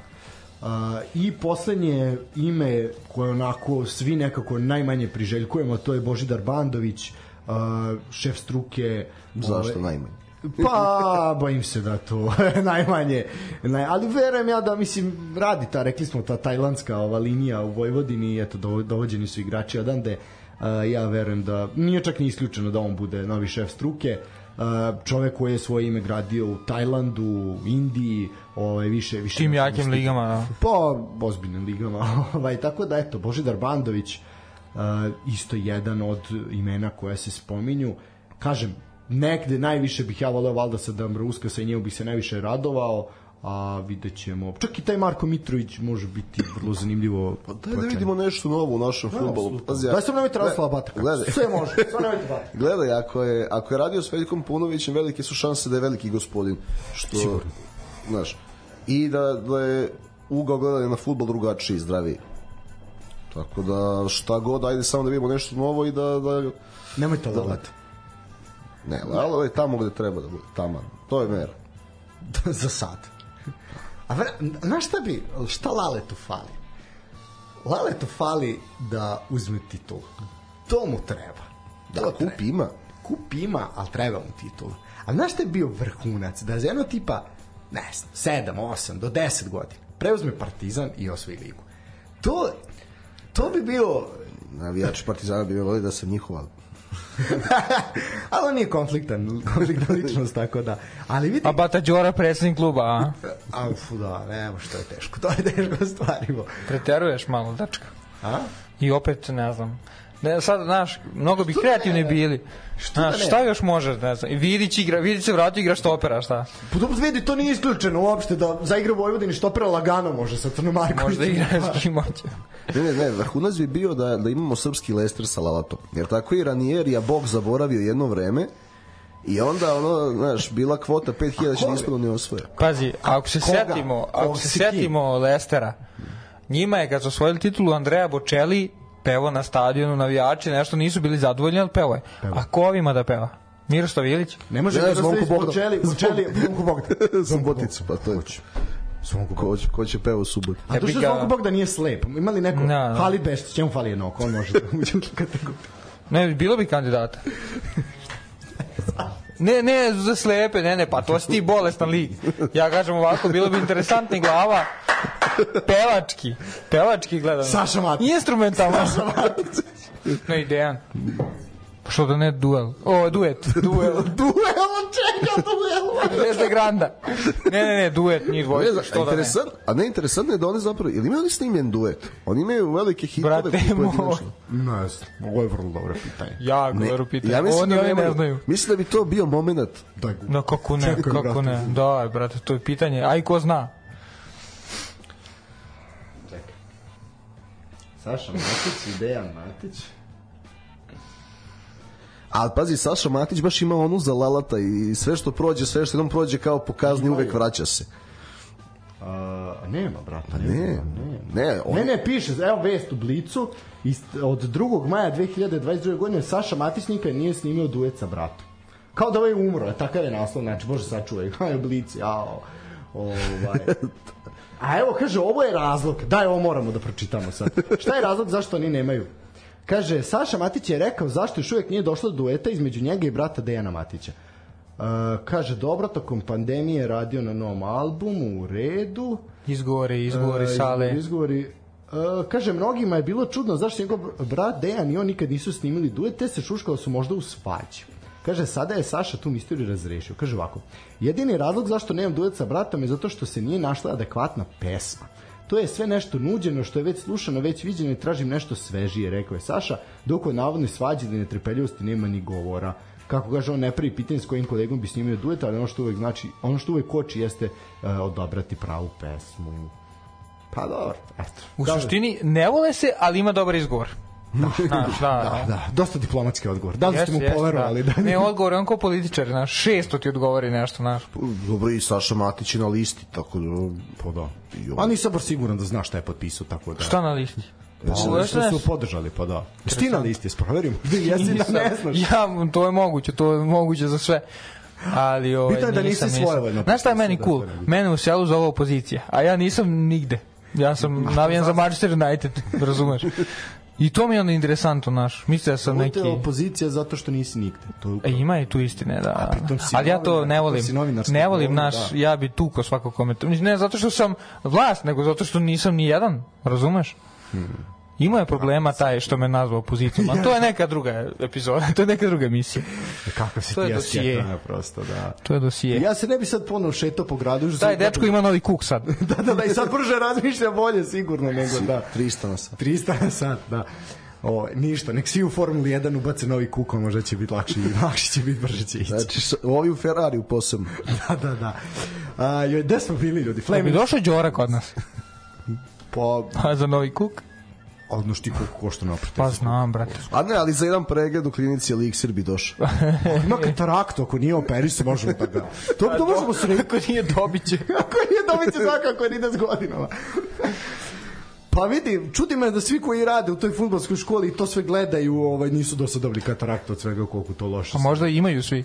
Možda, A to je jedino što bih opravdao. Realno, katarakta je jedino što bih Daj, opravdao. Daj, beži one engleske škole. Sme Jurija, bre, dođi kod nas, bre, elita. e, dobro. Uh, Junior Flemings Pa može se reći zaista eksplozija od juniora Flemingsa. Kakvih mesec dana. Kakva snaga, kakav kvalitet. Krivli napadač Voždovca, u poslednja tri kola postigo je tri gole, upisao dve asistencije, gol protiv Radnika, asistencije dve protiv Železničara i dva gola protiv Vojvodine. Uh, bio je strelac, pazi, za bodu Surdulici, pa kažem, namestio je dva protiv Železničara i onda je bukvalno doneo i pobedu protiv, I kup, protiv Vojvodine. Kada odaš?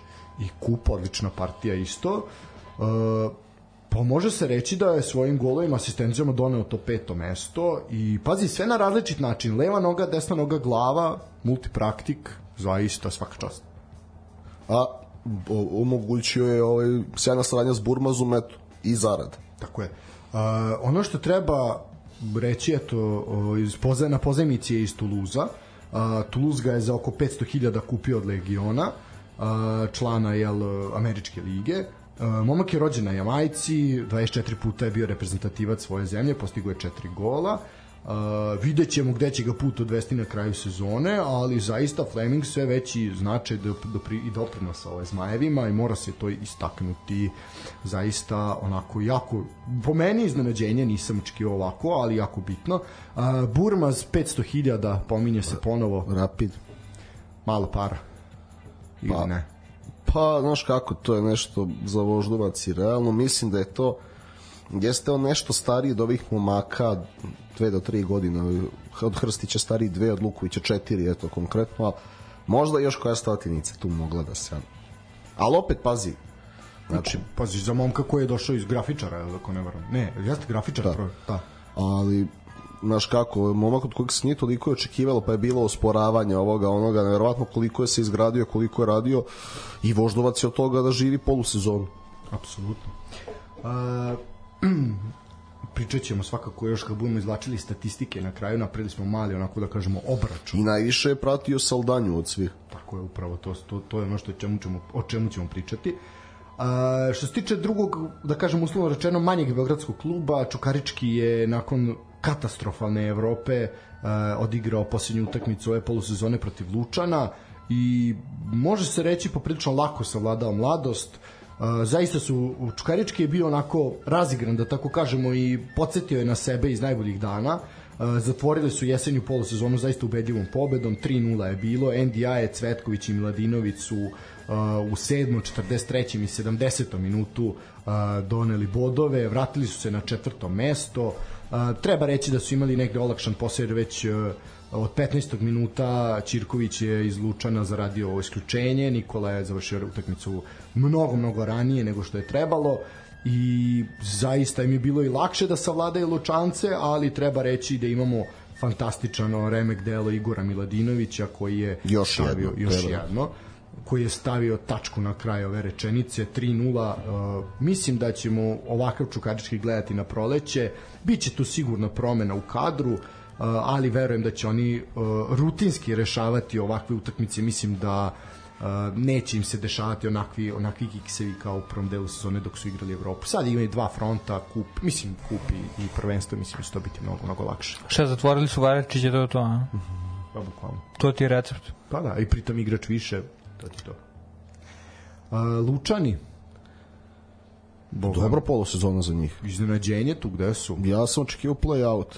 Ne, mogu priznati isto jedno od iznenađenja. Mislim, ja očekujem da završe u play-offu. I Dobro, rea, realno da ne budu u play-offu ali ja, siguran, da, da posle malo ne, nekoliko zaista fudbalskih vidi, ali zavisi od praznog roka ne, pazi, prvo treba pohvaliti znači dobra promena formacije omogućavanje da Varjačić i Dovičić igraju ono što vole da igraju i kombinacija mladosti i iskustva imaju od koga da zarade a ima ko da rešava neki utakmicu Super Ligi da oni u istoj ostanu Tako. od njih u selu gde ima koliko 3000 stanovnika 4 dovoljno apsolutno uh, Javor IMT pretposlednja utakmica ovog, tačnije imamo i derbi na kraju. Uh, ja vrijem te, šta reći o ovoj utakmici, sve osim terena je bilo vrhunsko. Teren jako, jako problematičan. Teren vrhunski za grmečku koridu. Pa ni za to. I oni bikovi kad bi bili okrenuli bi se i otišli nazad. Uh, otišli na pivu. Pa da. Evo nemaju šta ni da pasu. Ja. Pa jadno, da. Uh, tempo, dinamika, duel, trčanje, borba, šanse, zaista stvarno. A šta pričaš, to su dve vrhunske ekipe, razumeš? Pa što najgore da, samo da igre u Topoli, to pa, bi bilo, bi bilo 3-3. Pa Javor nije nikad problem intenzitet, nego... Neko podloga. Ne, pazi, ovaj meč da se igra u Topoli, na primjer, ili u Humskoj, ili na krovu, nebitno, da su da je bilo obrnuto, jel? Uh, bilo vrhunska 3-3 utakmica, bilo lagano. Mislim, šteta zaista da se igra po onako. A te znam ja šta je tebi. Što je 1-1? To je tebi problem, druže moj. Ma Ali još se, po, e, a pazi, još se ponadao, znači, 1-1 pa crveni zijem te bio ubeđen. Tako je. Uh, šta treba reći? Uh, mislim zaista svaka čast za onakav trud na ovoj oranici i apsolutno aplauzi jedni i drugi zaslužuju uh, šteta kažem bukvalno ovo je Bundesliga meč, ono prosek Bundesligaški meč, samo da je bolji stadion. Uh, što se tiče strelaca, dvojica najboljih ovaj svakako u obe ekipe, to su Luković i Gigić. Uh, Luković u 34. Gigić u 60. Ono što nismo prošli put pričali, a to je vest koja se pojavila, to je da Luković je koliko to je zvanično, jel, koliko sam video ili još uvijek nije. A, nisam video da je zvanično, ali da je To je se licitira, znači da je odlazak u Spartak iz Moskve. Da, 5,7 miliona, što 20%. Vrhunski transfer. Dobro, je, ti znaš moju rezervu prema Rusima i Arapima. apsolutno, ali... Mislim, nije da dečko ne vredi samo. Ne, ali da li je Rusija pravi izbor lige za njega, to je veliko pitanje. Pa za bilo kog malog igrača, ovakva trenutno, gde nema ni Evrope nikakve, ne znam, kad smo kod Rusije... Ali to, znaš, znaš, zašto je to dobro, ako se desi? Zato što onda će i neki drugi naši klubovi možda kažu, čekaj, ako može IMT, onda stvarno nećemo više da pilićarimo za 500.000, bilo šta. Znaš, onda sutra neće, Purmazov naslednik neće ići za 500, onda mora milion i po. Vidi, uh, klub koji je ušao u Superligu, znači debitant u Superligi, znači nema neku veliku istoriju na transfer pijaci, ti utopi igrača za pet i nešto miliona, pa vidi, to je ozbiljna priča. Al, al to je ono što kažemo, Nebojša Andrić. Tako. Znači, to je, znaš, jer bilo, ja sam imao rezervu prema njima znajući tu, da kažemo, vlasničku strukturu. Ali oni su lepo, ko su da su, oni su doveli trenera, pustili ga da radi. A trenera koji je završio našu školu, a ne englesku. Tako je, normalno. Gde ti englesku? I oni će, oni, ne samo Luković, oni sigurno, na, kad bi htjeli na još nekom igraču bi mogli da zarade par stotina hiljada. Pa sigurno, pa je to drugo brata Lukovića. I, i, i Radočaj, i Glišić, i ovaj, kako se zove, Nikola Vukić. Vrlo interesantan igrač koji ako ne ode preko, ide sigurno u vrh Superlige, pa će onda dobiti opet neki novac i procente dalje prodaje. Pazi, sa tih 5 miliona, realno IMT možda živi... Možda živi dve godine. Ako ne više, da. Apsolutno. I da bude stabilan Superligaš. Možda kupi sudije za neki meč. Bi to isto. Može. Što da ne? to nešto insinuiraš? Ne, ne, ne, ne, nikad. Nije čudo što je za ovo opozicija. Dečko, pa ti da. radiš na insajderu ili pa ja na... Ja radim sa sudijama. ovaj, pa ne, ali mislim, srpski futbal. Znaš, kako nije baš ko engleski, moguće da se desi nekad neka... A, seljaci ono... igraju dan posle Božića. Šta oni znaju? Šta, bre, baš, bre. Satanisti, beš. Šta, šta? Samo su im lepi tereni i dobri futboleri igraju, šta? I imaju šampiona Lige šampiona i sve živo, šta jebe. I, sve, i svetsko prvaka sad. Tako je, da, da. da. Mi smo, da. A šta imamo mi ni svetsko prvaka? I Tako je. Evrope. Ili imamo? Al tako, su igrali ovo. Imamo i teren u Javoru. Nemamo, ali ne. imamo u Javoru. Imamo, da. Nešto. Uh, Dobro. E, da, ne, vidi, svaka čast. Kažem jedino, eto, meni se lično ne sviđa odabir lige i mislim da je to greška, ali Ajde, A taj novac ne odbijaš. Mislim, Ma naravno, mali mislim da dođe od crnog ciganina, da ne kaže nešto odbiti, ali to je to. Daj dinar za srđan, evo ti srđan i to je to. ovaj, što se tiče... Uh... A, brate, moji aforizmi su leg za ovo tvoje. pa čekaš se, dečko, ovim te A, brate, neću se čekam, ali ovo je, brate, ovo je jel žumanci bijelo ili belo nivo, brate. Daj, druže, uzbilji se malo. Vide, ovo je realno fora koreografije navijača Crvene zvezde, koja je bila treći osnovne kiša pada, ja se klizam. Aj, aj, samo jedna baba za partizan navija. Kakvi su ono fazoni iz drugog razreda osnovno. Znači, real, baš smo u tom maniru. to će sva današnja epizoda, kiša pada, ja se klizam. Uh, TSC, ajde da, prvo, uh, šta Javoru IMT-u treba na transfer pijaci, odnosno na polusezoni? Sem Javora i podloge koju smo absolvirali. Uh, uh, Javoru jedno krivo ja te ne sabotiram, nego je mikseta puna prašine, pa se dešava malo. A to neki nisu radili jutro. Samo kriviš, samo druge kriviš, ej. Ti si ko Bata Đora. Ja sam kupim, ja sam prebacio na goru. Normalno, da. I volim se Čekaj ste mi kukovi, dečko, šta je da? Još uvek mogu da sedne WC šolja da nema problem. Kako na aerodromu, jel pištiš ili? U Boga mi, kad se bio u Rusiji, bilo zeznuto. A imamo se situacije digresija, pa ćemo se vratiti treba da izvodiš laptop i da ga upališ, jel da bi pokazao. A da držiš u kukovima, držiš ne, ne, ne, ne, u rancu. A šalit. I, ovaj, a ja nemam bateriju u laptopu. Znači, no, sad ću im pokazati. Znači, ima rupa samo. Pošto ima laptop iz istorije, nema baterije. za švercovanje droge. da, da, da, da, da, ovaj prah nosim u alatu. Ovaj, nego, nema jednostavno, ne možeš kupiti za njega bateriju pošto je prastar, jel? A služi još... A što ne kažeš to lepše? Ne može zato što je toliko dobar da za njega nema baterije. Pa nema, brate, da, dobar je, da. Ovaj, I kaže carinica, molim te, ili carinikinja, ili već kaže kako pisao, to je pravilno po novom, kaže lepa, da, kaže lepa teta, ovaj, molim vas, požalsta, upalite vaš laptop. I ja kažem, ne može, ne može. Kaže ona, kako ne može? Ja rekao, pa ne može.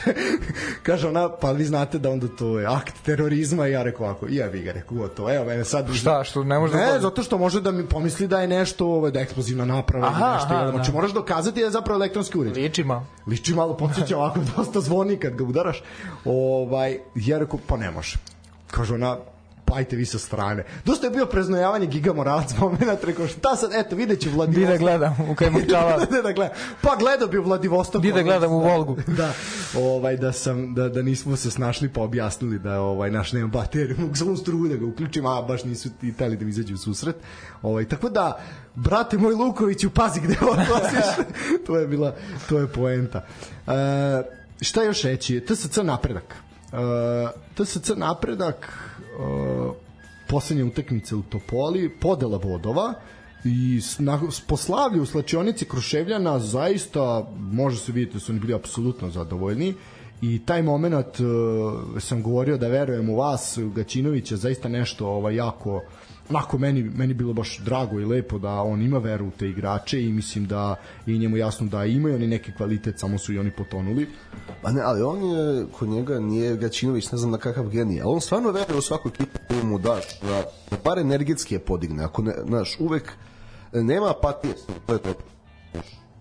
Priča, priča. Taj Spartak je uvijek da bude dinamičan pazar, znaš, i gde je imao rezultati, gde nije imao, nema ono da kažeš da je mrtvo, da ne možeš da gledaš i slično. Tako da dobro je da je on da je on tu i sad može da radi do selekciju pa da vidim. Ne, potrebno su pojačanje svakako. Nalazi što se pitu, pitu si me za Javor, to smo da. Javor ovaj, jedno eksplozivno krilo, jedan dinamičan vezni futbaler. Pa neko da nadomesti Kembela zapravo. I, pa, i to i jedan štoper. A... Bekovi korektno igraju, Miletić, Dolmagić, ovu sezonu mislim da tu ne moraju da A IMT, a njih smo preskočili. IMT, pa, znaš, tako špica kod Luković, je to pod jedan?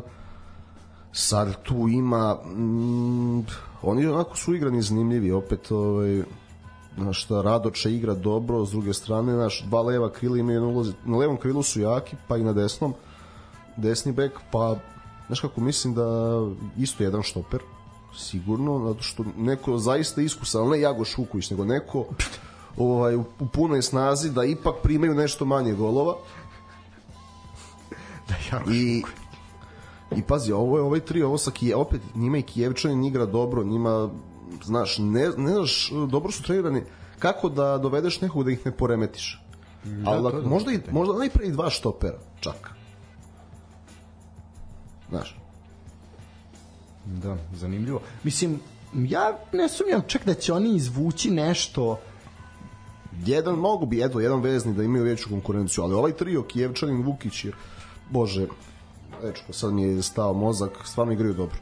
Uh, mislim da ne bi me čulo da oni izvuku nešto iz prve lige Srbije. Ne izvući. I znaš šta, pošto Radoče igra desnom nogom, a, možda neko desno krilo koje ovako levo ulazi unutra. Bar u rotaciji. To, to bi bilo zanimljivo. Mislim da i to fali. A, ne, neki, neki njihov Andrija Radulović. Tako je, ne, ne, nekog će iskopati verovatno, ovaj, kog će opet napraviti, napraviti nešto.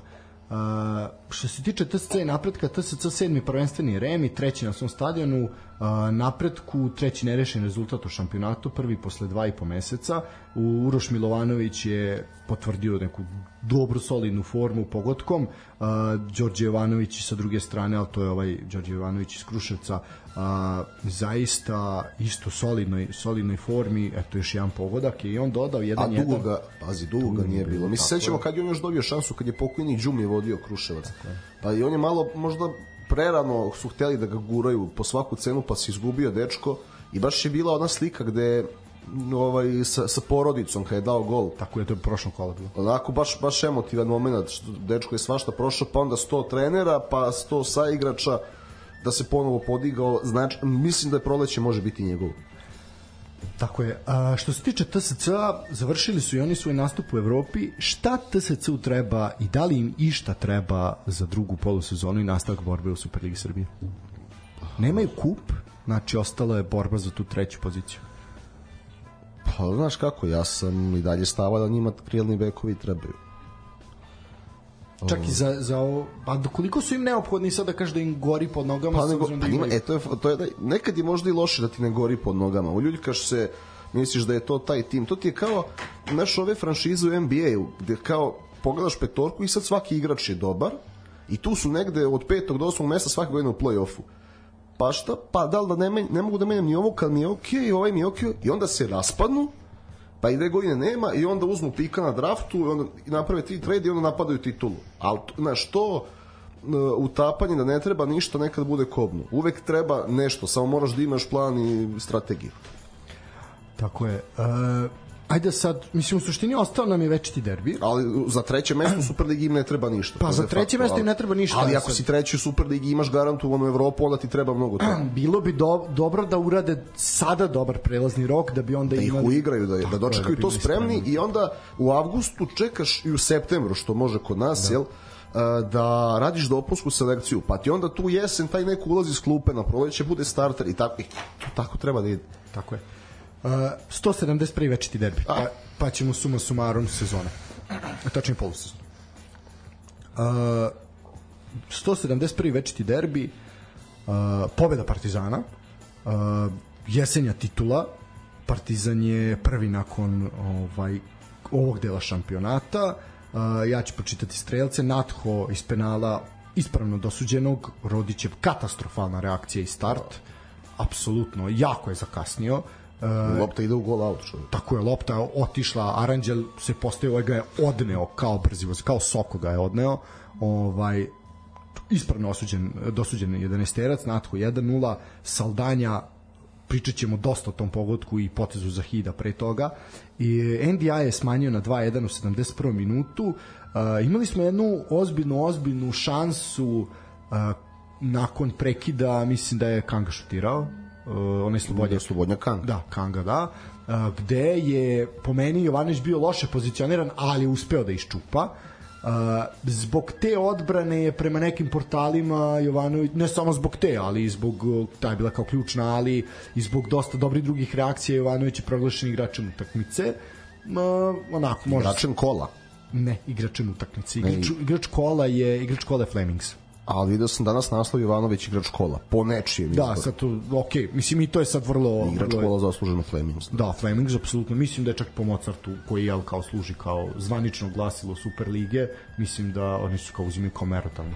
Ovaj, e sad, Uh, ajde da da ba, treba šta, šta još treba reći pa ćemo onda komentarisati servisne informacije. Uh, I Bahar je dao izjavu, primili smo najune golove, izvinjavam se navijačima, ovo je fudbal, sledi analiza učinjenog pa ćemo odlučiti šta i kako dalje i to je poslednje što je Bahar ikada izjavio u srpskom fudbalu, već nakon toga je bio smenjen i mi smo bili u vozu za nazad kada se pojavila informacija da je Bahar dobio otkaz, a da uh, Vladan Milojević uh, najvratnije preuzima, Dobro, pričalo se dan, dva, tri ranije. Pričalo se, da, to je dan, dva meseca ranije se da, da, da.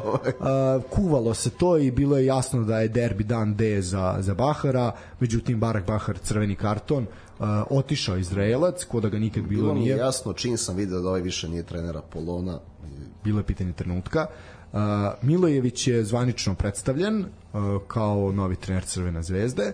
E sad, ono što treba reći, uh, imaće mene meni je zanimljiva izjava Terzića uh, i ta priča da je da Bahar neće imati potraživanja i da su se dogovorili da bude bez naknade i sve meni to malo čudno ali ajde vreme će pokazati koliko je to istina ili nije istina uh, ajde da prokomentarišemo derbi pa ćemo onda pričati taj moment da je Terzić jel, komentarisao i tu Superligu gde je Zvezda se pojavila na nekom spisku pa nije bila spisku i to. Posle to posle utakmice. Ajde nek vule malo, nije ga bilo da vidim da. kako je video derbi. Si gledao derbi, ajde malo. Gledao sam derbi naravno, pa ono, naravno da sad mi glupo da kažem, znaš kao, da, da, da, ne, ne, nema šta.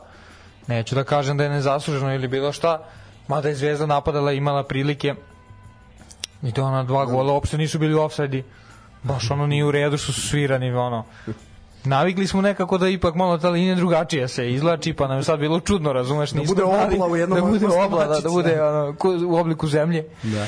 Ovaj, pa ne, nema šta Zavisi Partizan. oblik zemlje ako glasaš za Nestorovića kakav je u odnosu na drugi dan. Ako za Bata Đoru. Da. Ako za Bata Đoru. Da. ovaj, ovo pa je sad nešto da kažem. Protiv, jednostavno Partizan je realno zaslužio i to što si rekao, to za Rodića, mislim, start jako. veze s vezom nema. Da ne znam, ali meni je više ono, nažalost, derbi uvek bude tako. Ne, nije važno da se desi nešto lepo ili ne na terenu, uvek su važni ovo van terena. Sa strane Bahar i to, ali onaj Borjan. Nisam bio, pazi, nis, ja sam bio iskreno, možda je to ono, možda i glupo razmišljati, ja sam bio da on ostane. Jer on je za našu ligu doksa, ali realno doksa. Sad za Evropu pokazuje se tu solidno, nije on toliko mator, ali ona slika on, Gobelja, ko je bio još Savić, onaj Žule Stojković, da. bio jednom jedan tim. Pa ja ne znam, ja da sam, na primjer, da sam ja borim to da sam moguće, ja mislim da bi umro tog trenutka od, od neke nervoze ili neke sramote. To je zemljače. I sve to, ajde što to nije neki tim. Znači, prvo to da stavimo, drugo što to, to je iskreno ono, ne znam gde su konja vezali. I druga stvar, i, te, i treća stvar, ti si dalje član tog kluba, pa nemoj me zezati, pa kako možeš tako da napišeš? Umesto, zamisli, evo, neki, Borja nije sad ne znam kakva svetska zvezda. U našim okvirima solidan golman, titule govore za njega, trofejan golman. Zamisli da je nazvao ekipu na, na ovaj video poziv, Nedeljković, Kneže, ti mladi klinci. Ja sam siguran da bi značilo, da bi bilo ujebote, znaš kao gledo je, razumeš, govori, gledam iz tog ugla, a šta ti to? kačiš takvu sliku i A šta ti to govori? Treba se vratiš, treba se vrati. On sad treba se vrati, je li tako? Pa da. Da. U, I onda sad i neki još piju ne ne u junu zvanično ne znači da neće da, to da, da, da ali ali i onda neki kažu ma neka nije nije važno to samo neki šta sad ga ne bi primio da se vrati nije važno, ni, ni golmanski, ni, pa nemoj tu, kako tako možda radiš? Mislim, potez... Ali zato što se ne gleda interes kluba, nego se gleda svoj interes i zato što... Nije to važno čiji interes gledaš. Pa ne, ne. Kako, a kako kačiš to, čoveče? Pa ali za baš zato, zato što ga sueta, zato što ga boli način na koji ga je oterao i onda sad će on njemu da se sveti. On je sad, on je doživeo moralnu, pa ti dokle to ide, on je doživeo moralnu satisfakciju zato što su oterali Bahara, jer eto, pokazao je Borjan svima da je Borjan bio u pravu, a da Bahar nije bio u pravu. A to su, to su samo, samo je trebalo pogledati kakav crveni je dobio za Slovan Bratislavu sad u konferencu. Ne, vidio sam neki komentara, bilo je kao vraća se, rekao, i neko je napisao, bukvalno ne znam koliko ste pratili, ali ja sam pratio, kaže taj lik, kaže on ako onako brani, ko što tamo brani, bolje se ne vraća, kaže, ono je katastrofa. Pa, pa najmanje... Ne, ne gledam, neću ništa da tvrdim, ali verujem, verujem tome što sam pročitao. Pa nije, pa evo radio je naš drugar Delić te prenose da. u to je katastrofa. Što Mislim, ja ne vidim zašto bi ga vraćali tu i Glazer, ok, vratno će ga i prodati, zaraditi na njemu, ali... Pa dokle više? To, Mislim, to, da, to ti je naši to vlada, vlada Stojković. Domojte ga više vraćati u redu, legenda svaka čast, daj mu plaketu i doviđenja. Mislim, legenda ono, čega? Nema veze, nazovi ga legendom i Kuborjana, nazovi ga šta god, napravi mu da je legenda i samo nek se sklanja, razumeš? To, to se tako radi. Ko, ko je to uradio? Bože, Stanojević izveo ono na večeru sve ove Jojiće i ove Jotari. Ne, ko je to uradio? Ilija Stolica. Da. Ilija pametno, Stolica. Pametno. Zeku Jojića, Markovića, Marković, ekipu, daj da se onaj Obradović. opamo i vozi, razumeš. To se tako radi. Ja se slažem da Bahar nije to trebalo preko poruke i tako ko što je urađeno. Zemo, daj da se slikamo, legenda si, evo ti plaketa, evo ti uranjen dres, ajde doviđenja.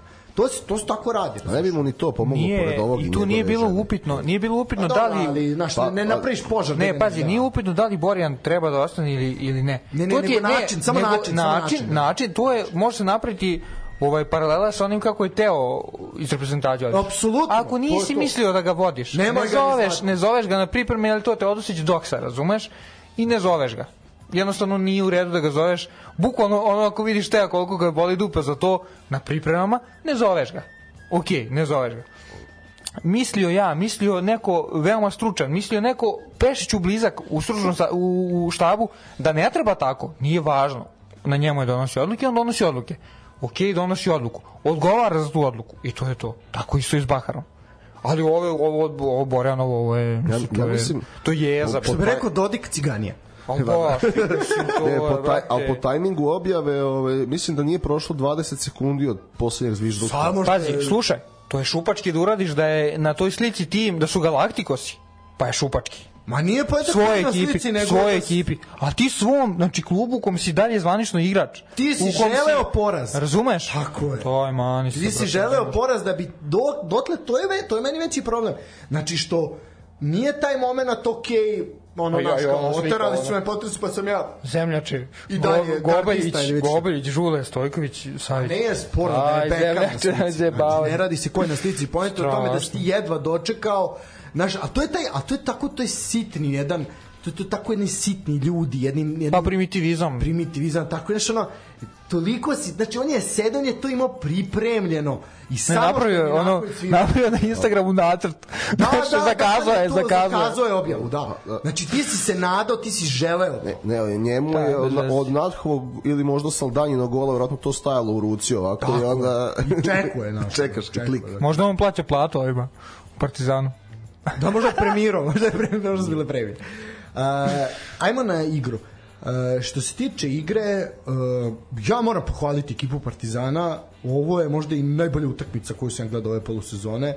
Da je zaista cela ekipa bila briljantna. Uh, moram pohvaliti mladog debitanta u derbijima Stepanovića koji je zaista bio dobar i sa 100 minuta superligaškog fudbala. Apsolutno i drago mi je što je dobio šansu i što je odigrao uh, uz Belića, GTA 6 Belića koji zaista je bio ovaj na dobrom nivou. Uh, ja moram pohvaliti čoveka kog sam ja, eto ja ovo lično je sad, ja ću sad ko Borjan da iskoristim trenutak, ali ja ću da pohvalim Nikolu Antića. Da i Aranđela Stojkovića, ali Nikola Antića prvenstveno ja ga jesam zaista kritikovao, ne toliko javno u emisiji koliko u našim internim razgovorima. Ja zaista moram da kažem da je čovjek odigrao po meni najbolju partiju od kako je došao.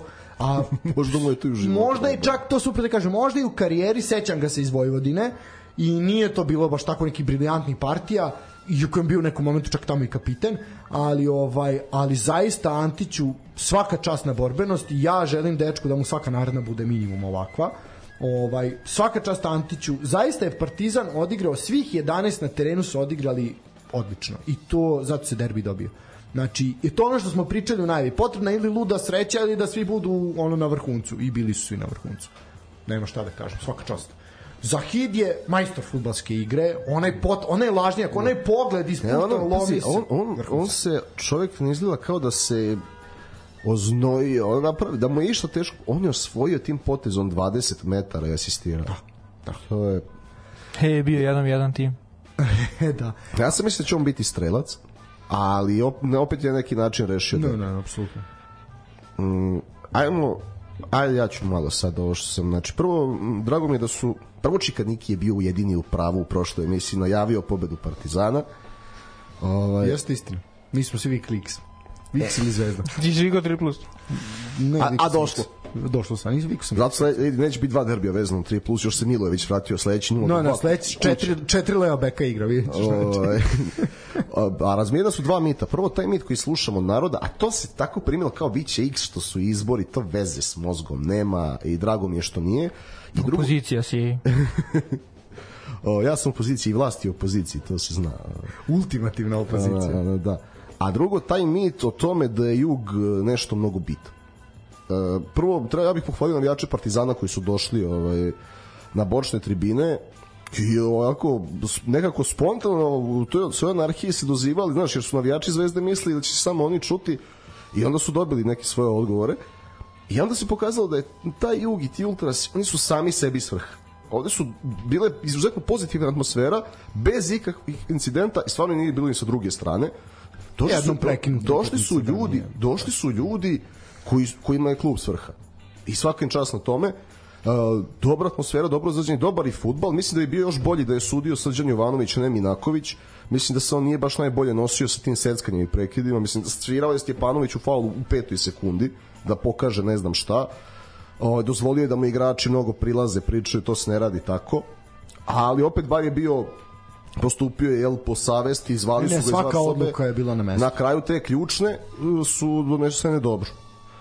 A, sad, sad se nešto prema pametni Zvezda je mogla i da izjednači. E, prvo bila su dva ofsida Mijatovića koji nisu veliki. Ja bih pohvalio tog momka koji je imao toliko samopouzdanja, nekoliko šuteva van 16 levom, desnom. E, stalno je bio u šansi Partizan ima ozbiljnu pretnju već za sledeći derbi, mislim da danas da su svesni toga. Pohvalio bih Kostu Nedeljkovića koji što sme tiče uopšte nije trebalo da izlazi. Pohvalio ga je i Dario Srna e, koji ga ima na radaru. Tako da sad nešto po Zvezdi, na kraju i u tih posljednjih 20 minuta se pokazalo po nekom intenzitetu zašto Zvezda igra Ligu šampiona. E, vidjelo se da su malo ispremniji od Partizana, ali opet ono, sam početak i e, ta ideja nakon ovog Kragujevca je bila, ok, ajmo da se bijemo i da ne grešimo, ne možemo da imamo mi veći posed od njih, nismo uigrani, ajmo da napadamo direktno kako treba, locirali su Rodićevu stranu i dobro su locirali, jel?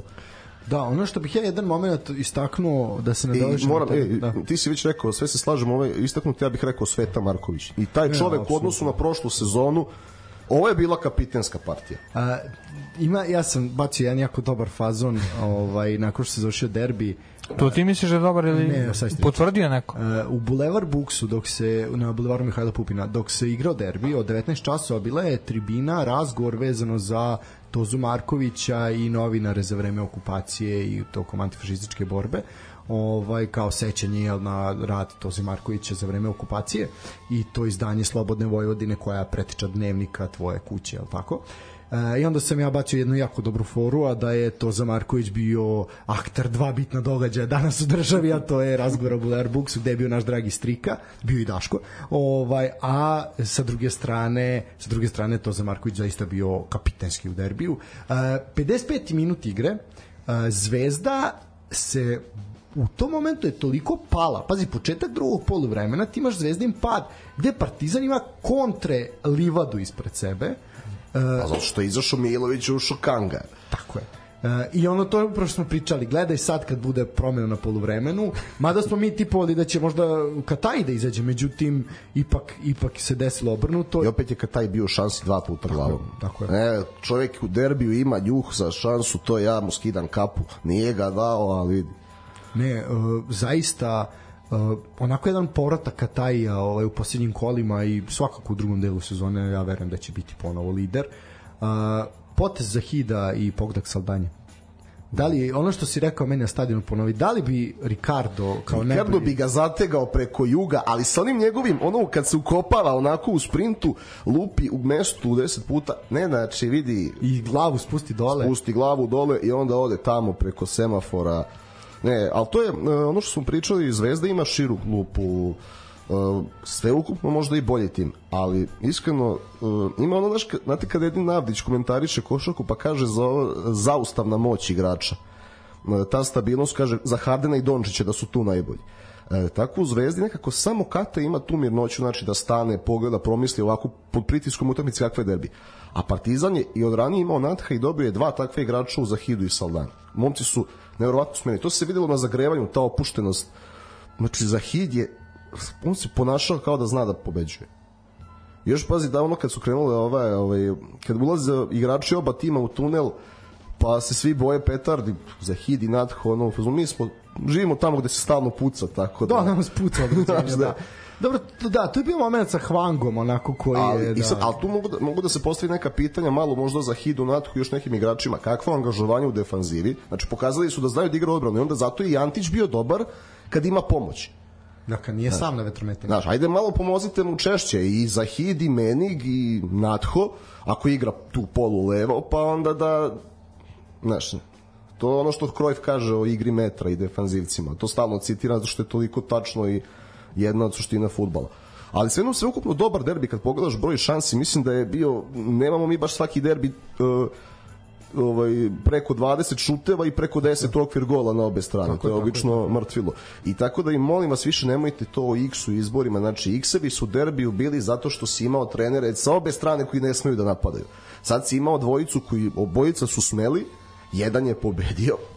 To je, to je fudbal ali vidi vrlo lako je moglo da bude nerešeno. Pa, ali mi smo i onda kad smo pričali o tome pre odloženog Ali 2-2, a ne 0-0 ona priča. Pa da. Ne, pa on što Kata iz 3 metra ima malo, malo mu je bila kraća da skoči da. ovaj da je bio šerif u toj šansi da je spusti ili tako neki igrač. Pa, Nesuđeno NDI dva komada bi dao. Da. da. Eto, pa pazi i on koji toliko sporavan, čovek je koliko mu je trebalo 9 minuta da da gol. Prilike, da. Svaka A Voju bi pari po tri. da, a, a nisu svi Vojo je. Pa da, nisu svi Vojo, dečko, ne mogu svi biti Vojo. Šerif Vojo, brate. Šerif Vojo. Pa Vojo je životni šerif. ja je. Tako da sve, I to, znaš kad smo pričali pre odloženog derbija, da, da zbog ovih igrača, svih koji su dovedeni da može biti jako dobar derbi, i bio je bolji nego većina prethodnih derbija. Tako je, apsolutno, ja da se slažem. Ja bih citirao opet negujemo srpski NDI je zločin koji traje. apsolutno. I to je isto. Mani ga, brate. Joj, ona izjava Terze, to sam skoro vidio na Instagramu kako priča on na engleskom, šta je njemu Bahar pričao? Yeah. Look, it's master, master kao... His monster. His monster, da, možda nam pomogne, možda pravi razliku Ligi šampiona, to je jako yeah. dobra rečenica. Ja moram da pohvalim Zvezdana Telića jer se konačno usudio da se oglasi kad izgubi derbi. Pošto on obično nestane na mesec dana, uvali vruć krompir drugim, evo sad se kako tako ovaj oglasio. Al sve u svemu mislim da je na kraju kad gledamo polusezonu prikazanu igru ovaj oba tima u, u Superligi da je nekako da lopta ne laže. Mislim da su na tabeli za polusezonu svi tamo gde treba da budu. Ne, to je nekako moj stav Još jedno, još jedno pitanje za kraj, da zatvorimo priču večitog derbija, pa ćemo pa još jednom pročitati tabelu, da eto sad vidimo tačno konačan plasman na kraju ovog dela. šta Partizanu treba u prelaznom roku, šta Zvezdi treba? Završio Zvezda je završila priču u Evropi, nema. Zvezdi gardisti. Pa vidi, nije slučajno da Glazer ode, ode na, sad na, na, u januar. To uopšte nije slučajno. Ne bi. Bio problem Glazeru, problem je ako dođu ovi još neki bokti. Koji? Pa šta, ne znam gde je taj Žule, šta taj radi? pa igra... Vidi, ako ode Kosta Nedeljković i oni Gobeljić postaju opcije. Pa dobro, Gobelj je uvek opcija, to je polivalentan igrač, što se kaže u našem narodu, stara naša reč, polivalentnost. Gobelja je, Gobelja uvek zna. Jesi ti vole video Wikipedia stranicu Gobeljinu? Ne. To moraš da pogledaš. Da, znači, Šta broj titula je to? Ne, ne, kako, je, kako se neko bavio time da to uredi? To on sam. Aj, ju, brate. To, to da, je, da, ja platio, mislim da Zinedine Zidane i Messi nemaju toliko... A šta kao sve ono detalje, a? Ej, čoveč. A to je ono ko Rade Jorović Wikipedia. Odite na Wikipedia stranicu Radite Jorovića. Ako nije on sam sedeo i pisao, ja ne znam ko je hroničar Radite Jorović. Kao čvarko kad piše ono Pa da. za sebe, da. Otprilike. Ne, ali, ali gobelja, brate. Ju. Ju, ju, ju. A, da li će Miloje menjati će igrača četiri nazad? Pa. Što menjate ili će ostati ovo Baharovo što je pokušano? Um, šta, mislim da će menjati ipak. Će Da igrat će, pa ne, i, Milo je ponekad igra s trojicom, ali ovaj, mislim da će češće igrati četvoricom. Čak i Zvezdan Terzić rekao ono što smo mi pričali ovde, da Zvezdi sigurno treba levi bek. Ovaj, da je Rodić koji je Zvezdi mnogo dao, ali ne može više od 60 minuta futbala. E, treba štoper i, i bez odlaska Dragovića, po mom mišljenju, a kamoli... Pa, navodno, Dragović ostaje sigurno. Pa mislim da treba još jedan štoper tu. A što se tiče ostalog, Zvezda ima toliko igrača, ja mislim da oni treba, mislim da će Milojević više da se bavi odnosima nego dovođenjem. Slačionica, mislim da je veći problem. Da su tu, znaš, da, da, da je on doveden više zbog toga kao neko ko to može da, da nosi. Vidi se, znaš, šta negativa, bilo je baš to jedva sa tih strana, nije Borjan jedina strana koja je jedva čekala da Bahar to izgubi. Onako, baš ta negativa, Savalova uvreda, sad toga neće biti. Znaš šta možda predstavlja problem? Možda ne njemu kao treneru, nego ima dosta igrača, bre.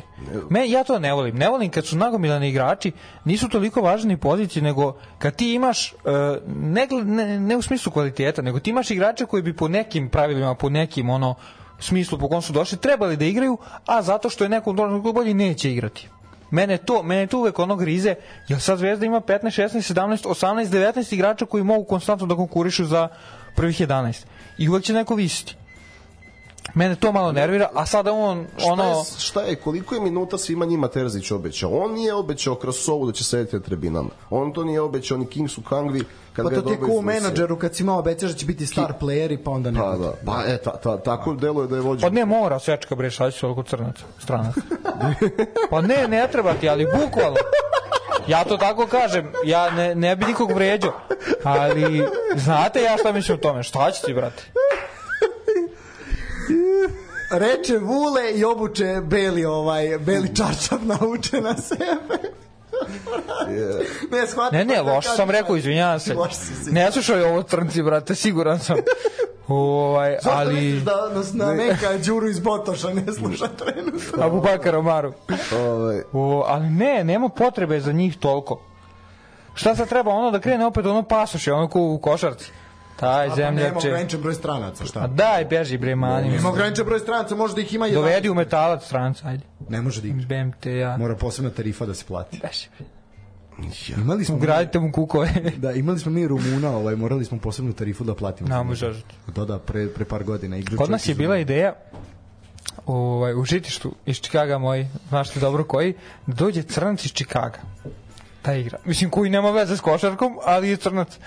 I dođe brat, dođe brat, ovaj, Sve bolje od bolje, ajde. Aj šta ste vi, brate, ko žene neke. Ovaj, ja, e, bolje da ja začutim. Bolje da ja začutim, da, da, da. Sagao! Ne, šta je bila fora? Nemoj, nakačit će nam se čoveč ovaj iz ovih Aj, reci, inicijativa Ne, ne, ne, izvinjavam se, evo, samo ću da se izvinjavam. Ne, ne, šala, Da, šala. da, da. Fora je bila, ok, lik igra, vidio sam kako igra, a mnogo tražio. Šta to znači? Tražio, brate. Ovi su valjda teli iz kluba da mu plate kuću, znači da negde živi kod neko kao postar. On je teo hotel, Razumeš? hotel. Ima hotel. Znam Nije da to ima, da. upitno, motel. Nije to upitno, nego on teo motel i teo tipa, ne znam, 1000 evrića mesečno. Što je mnogo za levu ligu, razumeš? I nije došlo do saradnje, ali je bilo cool što je bilo priče. I mislim da su se mediji... vrvelo tih dana od... Pa brava, bilo je da, top tema. Rocky je bio u drugom planu. O, ali interesantna stvar. Moram sad da se ispravi malo. Znači, nemoj da neko misli nešto pogrešno ko sluša. Jednostavno to, eto, ko je slušao mene, ko je slušao mene kad pričam nešto o fudbalu, zna šta mislim. Mani me bre, ne trebaju ti toliko. Nismo mi Moldavija, brate, nismo talentovani za neki sport Niko ni iz Moldavije ne sluša. Ajde, jebite se, brate.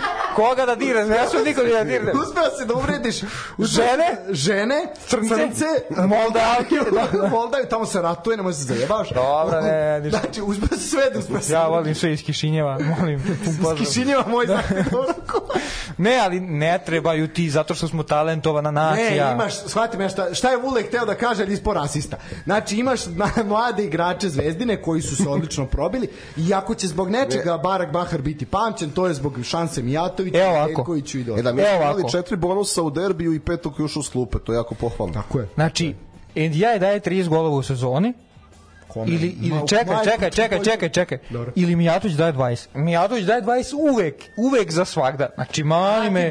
Bro, razumeš? E, Nedeljković pet asistencija, ne znam, ajde sad Kanga je tu je duže vremena. Ne, neki, ne, neko ko je na, ajde da kažemo na neko ono proveri, ne znam, nije važno neki igrač. Kraso, eto.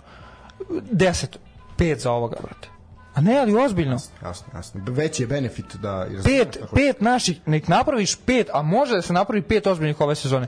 Dva prodaj, jebi ga, taka je situacija prodaj. A prodaj kod Dinamo, prodaj za 15-20 miliona, ne za 3 miliona, u ne znam, razumeš, negde. Nap, ali napravi ga, daj mu sad čoveče, daj mu sad nek, nek igraju ti Stamenići i Nedeljković i to. Što se e, zaslužuju. Da, da, je do Stamenića, odlično. Ne, izjava Stamenića, izjava Bukarija. Pa, Ma, da. te, dve, te dve izjave su me ovaj, uverile u moju prognozu. Znači ti navlačiš odmah, kad sam video to, bilo je samo bitno da se Partizan pojavi ili normalan da će da pobedi. Navlačiš gnev, ne, ne, ti karnu, neko karnu, bajanje, karnu. bajanje naziv, i onda Rodić napravi takvu glupost i 1-0. Znači to je to je to. Sine, ali uvek ima neki idiot gastarbajter u Zvezdi koji ovaj ili neko iz Knina. Što vređaš gastarbajtere? Pa kod zato što uvek pa pre je to radio Marko Marin, pa pa Borjan sad Stamenić, uvek neko neko koji, ko je veći Srbin, ko, ko, da, da, ko igra pape, za drugu da. zemlju, pa bi do, dođe ovde da se dodvori velikim Srbima i onda daje takvu prepotentnu izjavu pred derbi. A ovaj hoće da pobedi 3 ili 4-0. Sine, nisi se video pored Nikole Antića O, znači... To je problem, to je problem. Možda Bukariju treba veštački kuk da bi se video pored Nikola Antića. E, to, ne, to je neverovatno kako uvek Mislim da je Duje i tu isto dobro smirio ekipu, niko se nije oglašavao pre utakmice, ne znam, su jednu izjavu dali. O, ovaj, šta smo pričali, da, šta Partizanu treba? O, ovaj, Partizanu, iako se neće dvojiti, mislim da treba levi bek, tu su najslabiji, to, ali to neće biti pre leta. Šta je najava? Najava je bonus u odbrani, ovaj, ima jedno interesantno ime, ali o tome nešto kasnije. Ovaj, uglavnom, iz jedne dobre futbalske akademije, dečko sa srpskim pasušem, koji bi trebalo da menja Ilića, treba centralni vezni, to je jasno, da je tu konkurencija slaba. Dulje i traži još jedno krilo, ali osim tih dovođenja Partizan u svojih redovima, mislim da ima e, Demedinu, ima Stjepanovića koji se sad malo nametno ispred Čekića, tako Demedina mora prvo ispred Saničanina. Saničan ne treba više da odigra minut. Ne, on a vidi, konačno se pominje i taj odlazak. Odnosno, da ga više ne želi duljej. Sad, da li će oni da mu nađu klub ili će da mu istekne ugovor šest meseci, Menik i Saničanin su na ledu. Danilo Pantić... Kosorić je završio karijeru u željezničaru, neki ide Saničan. To, to je liga za njega. Pa, i to mu je banja. Banja, bomba, bomba. Alaj. Da bude srećan. Da. A, još jedno pitanje ima za tebe. Pominju se odlasti Saldanje i Belića će ih Dario Srna voditi sa sobom? O, prema onome što ja znam Saldanja ostaje do juna a što se tiče samog Belića on bi želeo da ostane do juna ali mislim da, da je moguće da će morati malo da se žrtvuje da bi ta tri igrača stigla da jedan mora da ode ako ne bude neke ponude za Ilića ili Svetu Markovića Ilić, u stvari Ilića gledaju klubovi, ali nema konkretne ponude. Sveta Marković igra dobro, ali nema za sada ponudu, tako da je Belić tu pik broj 1 da malo dopuni. Sveta Marković četvrti put u Olimpijako. Ali to će biti, teško će biti zameniti Belića, iskreno. To je, to je jako teško. Takav, jedan sjajan momak, neverovatna energija. A znaš što bi bilo, znaš da i Dulja otišao u Šahtiru u januaru. I onda dolazi kao trener, pravi igrača na istoj poziciji koji ide u Šahtiru u januaru. O, i, i oni, mislim, imaju oni dobar odnos, on igra kroz njega na neki način. Ja stvarno nekad mislim kad gledam da će Dulja i sebe da uvede, ovaj, da igraju zajedno, ali ali eto, to je m, onako, postoji jasan plan, sve pitanje da li će se on sprovesti. E da, Partizanu treba i predsednik kluba, mislim, sad, to je isto dobro što je Dulja, znaš šta su mislili obi verovatno oko kluba? Da će tom pobedom, ok, prvi smo i sad će Dulja i da ćuti, Dulja i dalje ne ćuti, U Boga mi dve zanimljive izjave o. Duljaja. Prvo da mu niko iz omladinske škole nije čestitao, drugo da Na... kaže poverenje uprave, a pričate s pet trenera. O, e, o, to ne znam zaista, ali dobro je da im ne čuti ako je tako. Ali ovo za omladinsku školu sam ja čuo razne stvari. Duljev je tu nagazio direktora Vanju Radinovića i suprugu koja je dosta aktivna oko tih crno-belih beba i tih članarina i Imam ja rešenje za predsednika. Dve reči po četiri slova. Bata Đora. Kako je? Bata Đora. Bata Đora. Ne, možda Vazura sebi promeni funkciju pa postane predsednik. Ali... O šta Vučelu vratiti, šta? E, a da li on otišao uopšte? Sad je to pitanje. Jedin, znaš šta je fora? Gledaj se do ove tehnikalije, pošto je kažu Vazura prekršio statut, moralo je da bude skupština, ne znam tada i tad. Vučela je samo rekao da je podneo ostavku. Ostavku mora da usvoji skupština, skupština nije bilo. Ja mislim da je on zapravo zvanično i dalje predsednik kluba. Apsolutno, to je sam priča. Razumem. Da. Dobra priča.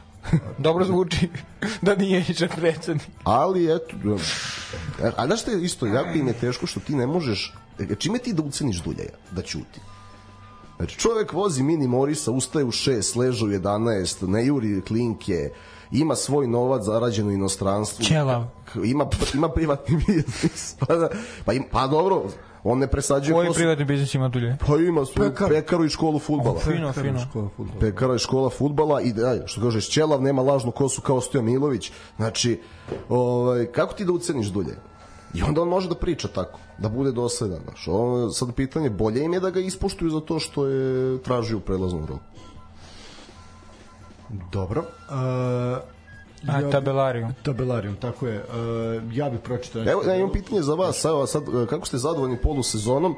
Da li mislite da je onako poredak na tabeli Možemo realan? Nakon, možemo to nakon tabele. Možemo nakon tabele, da. Može. Uh, znači ovako, krenut ćemo s vrha, mislim da je tako u redu, pa ćemo onda analizirati. Znači, utakmicom TSC i napretka, kao što sam rekao, završena je jesenja polusezona u Srbiji. Ona će se nastaviti 10. februara po sada ovaj planovima koji su trenutni. Uh, ovako, znači, na prvo mesto je Partizan sa 47 bodova, Crvena zvezda druga sa 46 i oni imaju, jel, da kažemo, taj razmak odnosno na treće plasirano koji je TSC sa 37 bodova. TSC je nekako ostrvo i priča za sebe, četvrti je Čukarički sa 29 i tu je sad uh, tu su četiri ekipe na jedan bod, to su četiri ekipe koje će loviti to mesto u Evropi. Znači Čukarički na četvrtoj poziciji sa 29, peti Novi Pazar sa 29, šesti Voždovac po meni e, dosta visoko plasiran, 28 bodova u odnosu na ono šta sam ja očekivao, sedma Vojvodina takođe 28, po meni iznenađenje apsolutno to su Lučani sa 25 na osmoj poziciji. Uh, ima tu još timova koji su kao i Lučani pretendenti za tu osmu poziciju kao vodi u play-off. Tu je Spartak i Subotica koji je prvi ispod crte play-offa i play-outa, znači 25 bodova takođe ima Spartak kao i Lučani. 10 je Radnički iz Kragovca koji ima 23, 11 IMT sa 21, Javor takođe 21, Napredak 21, na 13. poziciji 14. železničar Pančevo sa 18 i to je sad negde ekipe koje će se boriti e, za opstane grčevito, to su Radnički Niš sa 17 na 15. poziciji i 16. radnik iz Surdulice sa samo jednom pobedom iz 19 utakmica 11, e, 11 kupljenih bodova e, ko, prvenstvo se nastavlja desetog, kao što sam rekao, ja ću samo kratko, nećemo ništa tipovati, ja ću samo pročitati šta nas očekuje tog desetog 10. februara. Očekuje nas duel Crvene zvezde i Voždovca gde će Zvezda hteti svakako da se revanšira za onaj poraz na krovu. Očekuje nas duel IMT-a i TSC, nešto što je zaista već sada onako zanimljivo u najavi. Javor i Partizan u Ivanjici po verovatno oranici i rekli smo petoj skakaonici u, u ovaj novogodišnjoj. Napredak Spartak Subotica, Radnički uh, 1923 protiv Radničkog iz Niša, Radnik Čukarički, Vojvodina Mladost, Železničar Pančevo, Novi Pazar. To su utakmice koje nas očekuju 10. februara.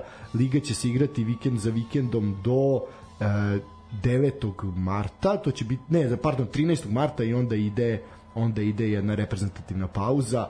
U toj reprezentativnoj pauzi, koliko sam ja video, naš futbolski savez će igrati dve prijateljske utakmice sa Rusijom ovaj dobili smo dozvolu da smemo da igramo ovaj tako da eto to je nešto što je fudbalski savez pripremio a video sam i da Crvena zvezda je danas objavila da će igrati prijateljsku utakmicu sa Zenitom tako da eto malo će Rusi videti Evrope makar ta Evropa bili mi Dobro, i biće prijateljska posle u junu sa Austrijom, što mislim da je dobro za pripremu za utakmicu sa, da. sa Slovenijom. tako je. Uh, E, to je što se tiče što se tiče Super Ligi, znači kao što sam rekao, odigrano je 19 rundi, Uh, u prolećnom delu će se igrati još 18, znači 11 do kraja regularnog dela, 7 play-offa i play-outa. Uh, rekli smo kada bi se gledalo trenutno Partizan bi bio šampion, išao bi u play-off kvalifikacije za Ligu šampiona, čime bi imao garantovanu grupnu fazu Lige Evrope. Zvezda kao vice šampion bi krenula od drugog kola kvalifikacija za Ligu šampiona i staze ne šampiona i morala bi da prođe u treću rundu kako bi obezbedila grupnu fazu Lige Evrope. Potencijalni protivnici vice šampioni Austrije, Turske, Švajcarske, Ukrajine i Češke, znači nešto što baš i nije lak posao. Uh, poraz u drugom kolu kvalifikacija, poslao bi tim u treći kola kvalifikacija za Ligu Evrope, onda ide taj jel, padobran dalje u Ligu konferencije i tako dalje i tako dalje. Šampion, odnosno osvajač kupa bi išao u play-off kvalifikacije za Ligu Evrope, imao garantovano Ligu konferencije, jel? A kada bi gledali, ako bi neko bio osvajač kupa od prve dve ekipe, onda bi u po tabeli u play-off Lige Evrope išao treće plasirani tim, odnosno sada TSC. Uh, zanimljivo je da će e, prvak kupa, odnosno treće plasirani, imati ga, garantovanu evropsku jesen, a vice šampion nema, znači vice šampion mora da pobedi makar u jednom kolu. E, ono da, što je, se nje prodesilo. Tako je. Ono što je promena u odnosu na prošlu sezonu usled uh, reformi evro takmičenja, znači Srbija će imati dva predstavnika i u kvalifikacijama za Ligu Evrope. Uh, četvrtoplasirani će krenuti u drugu kola kvalifikacije za Ligu Evrope, to je vjerojatno Čukarički pome sada, a petoplasirani u ovom trenutku Novi Pazar, to bi bio znači svoj evropski put od drugog kola kvalifikacija za ligu konferencije onog što je ove godine bila Vojvodina po svemu sada ovaj stanju na tabeli elitu bi napustila braća s juga to je radnički Niš i radnik Surdulica a u baraž znači imamo i taj baraž nemojte zaboraviti protiv trećeg i četvrtog iz prve lige Srbije bi trenutno išli napredak i železničar Pančevo e sad ko je najefikasnija lig, e, ekipa u ligi znamo li odgovor na Blic Hm? Ko je? Ko ima najefikasniji? Crvena zvezda. Crvena zvezda. Najefikasniji tim 47 pogodaka, najbolja gol razlika 2 plus 29, 47 datih, 18 primljenih.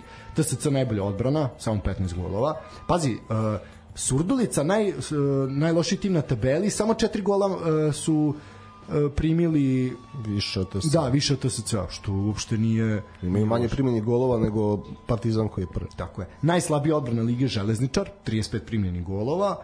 Uh, ubedljivo najslabiji napad pa kad im je 35 prošle godine u odbrani uh, najslabiji napad Surdulica samo je, je 11 golova datih Uh, zanimljivo da je Vojvodina samo bod iza mesta koje vodi u, u Evropu sa gol razlikom u minusu, na primer, i treća najgora odbrana u Ligi je Vojvodina, Ranko, Ranko i Gugo 3+. Uh, posle Radnika i Radničkog iz Kragujevca.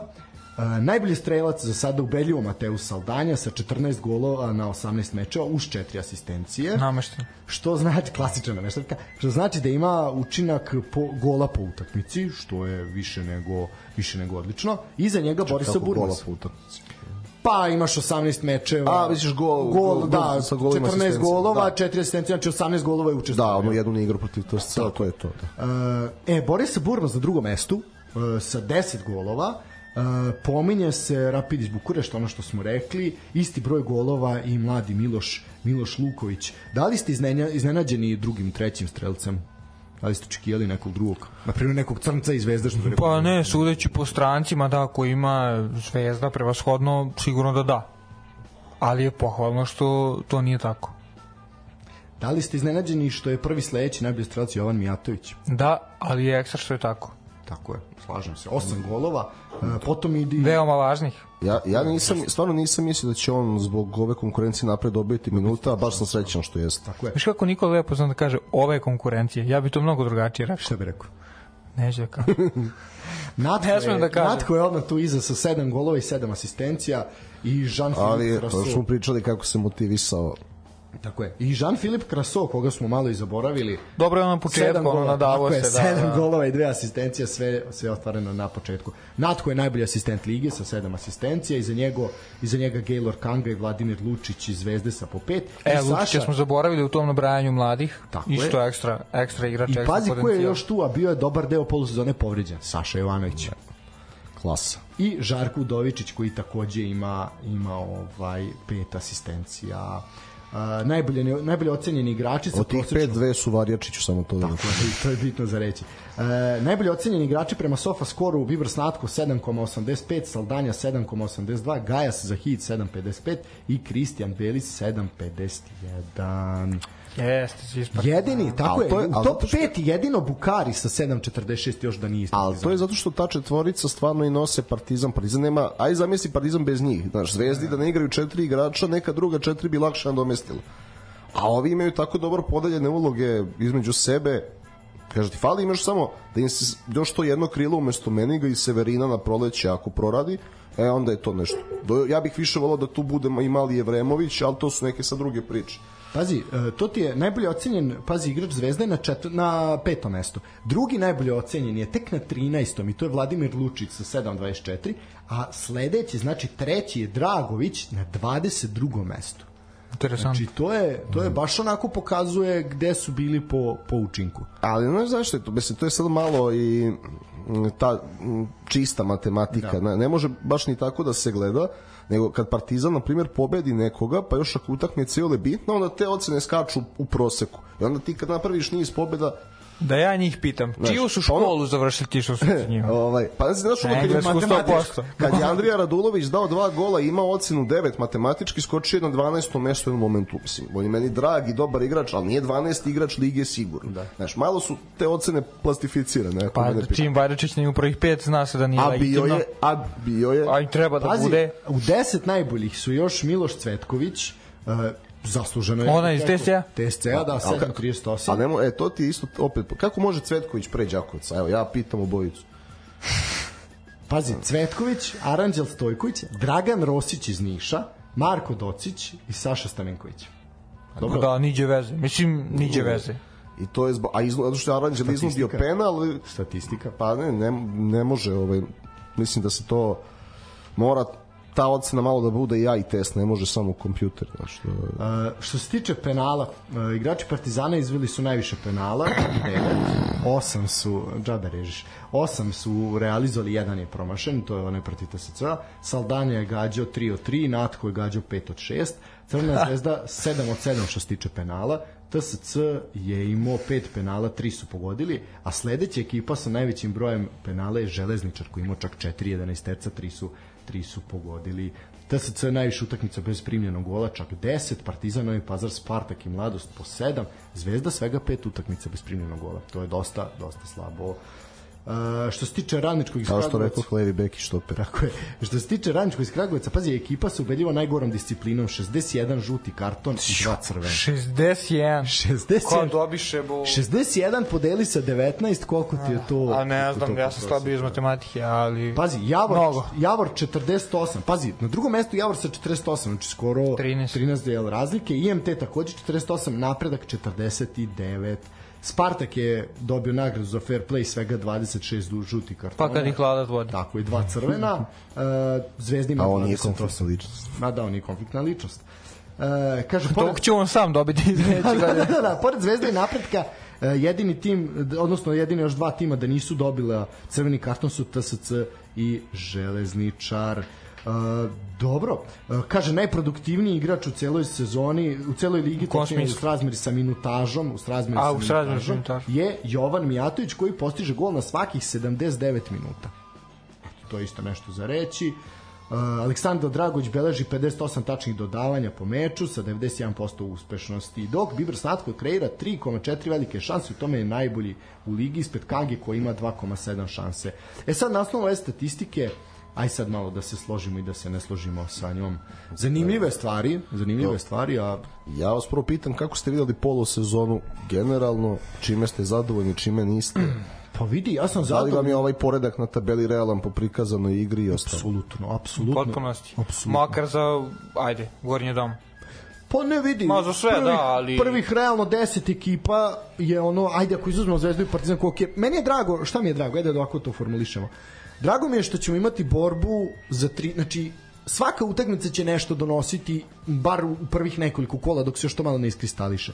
Uh, imaš, ok, borbu za titulu koja je na bod, volio bi da što duže traje, nevezano ko će na kraju biti šampion, ali da što duže traje neizvesnost. Uh, Uh, imaš ove ekipe od I da ne, četvrtog... bude, da ne bude priče o suđenju. Ko što ni sad, Naravno. meni bar nema. Uh, pa jedina priča o suđenju je bila za Jovanovića za derbi, znači koja i to je bila izmišljotina. Šta taj Jovanović sudi Ligu šampiona? Ma da, šta. Pa, a čovjek ne prošao našu školu. A? Pa prošao našu školu. Ali možda se tamo usavršavao ko zna po belom svetu. E, mene rado i ta borba od četvrtog do desetog mesta za play-off i za Evropu i to nešto. Želeo bih da se Spartak i Radnički pa i ta mladost priključe dobrim rezultatima i da pretenduju za tu neku šestu, sedmu poziciju, što da ne. E, raduje me što nemamo tih nekih timova koji su zaista očajni, imamo dva i realno su oni zaista i višak u ovoj ligi. Uh, ali i više od njih, ali ajde recimo da su dva višak. Uh, raduje me što ćemo imati zaista i zanimljivu borbu za opstanak. Pazi, ti timovi Javor, Napredak, Železničar, Pančevo, pa IMT kao koji slove za borba za opstanak, to su ljudi koji realno su nešto pokazali. I napredak, ja verujem da će pokazivati tek. Kako Radnički je pokazao, nema kadar i onda ste mu ocikli trenera koji ima neku igru. Samo radnik nije pokazao skoro Samo ništa. Da. Pa pazi, radnički niš četiri pobede. Mislim, okej, okay, kako tako, ali skupljen jedna nad Partizanom. Ovaj. Ne, ali bili pričali smo, bilo je nekoliko tih utakmica kao što su nas protiv Pazara koji smo baš polovno pratili. Gde se oni ispromašaju i onda prime gol. Pa vidi, ajde, zaboravili smo utakmicu radničkog iz Niša protiv Partizana u drugom kolu. Drugo kolo. Ne, treći, treći, treći kolo. Treći. Znači, to smo zaboravili. Tu je Niš bio jako blizu bodova. Jeste. Pa bio je blizu na stadionu Rajko Mitić da otkine bod. Onih par kontri na kraju samo 1-0 je bilo. Tako je. Znači, mogla bi drugačija pesma da se peva u Nišu, da je, da, se, da je bilo malo sreće. Uvek može tamo, to nije...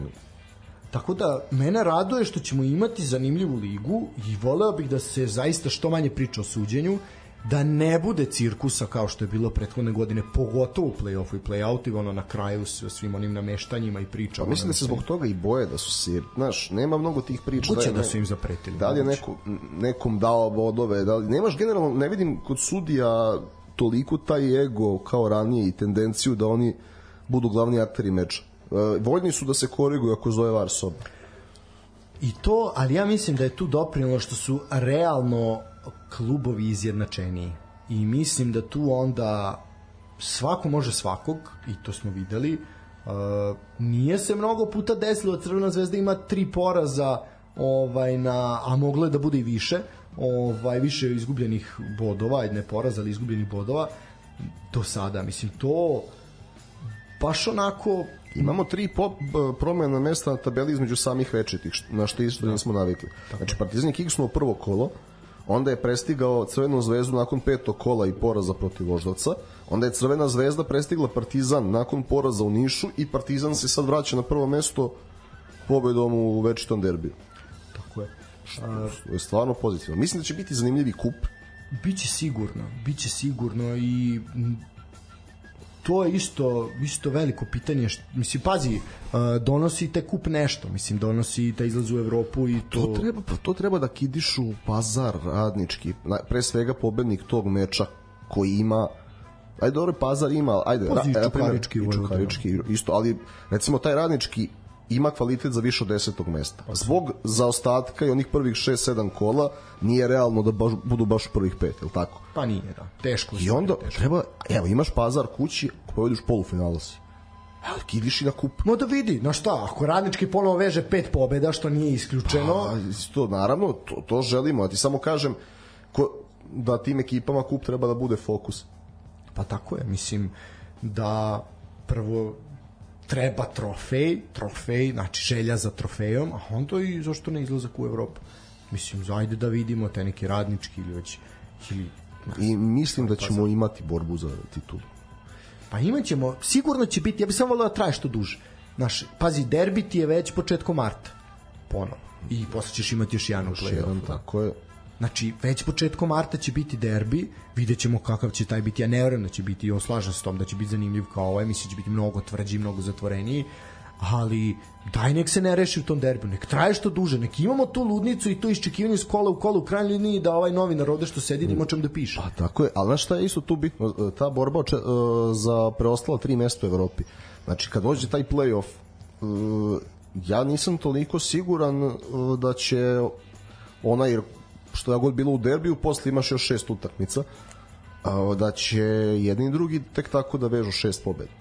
Pa neće zato što će svima trebati. TSC je, je uzeo bodove svaki put u tri utakmice, igra četvrtu uh, igra u Topoli sa Zvezdom pre derbija u martu uh, Pazar je po što je sam Dulje i rekao trebalo da uzem bodove Partizanu sa igračem manje umalo uzeo bodove Zvezdi Vojvodina je pokazala nakon onih prva dva kola da može da malo je uzela bodove šta još imamo Čukarički pobedio Crvenu zvezdu Voždovac je pobedio Crvenu zvezdu podove Partizanu tako je mogao ono je mislim najgol ona ludnica totalna e, šta smo znači i imaš radnički koji pokazuje da može da igra s jednima i s drugima. Pošto su oni moj tip da će ipak biti u play-offu pre Spartaka i Lučana. Siguran sam, da, ali ajde. O, ne, ne, tako da stvarno taj play-off može da bude ludnica. Oni treba boreći se za sebe da skidaju bodove večitima koji se bore za titulu.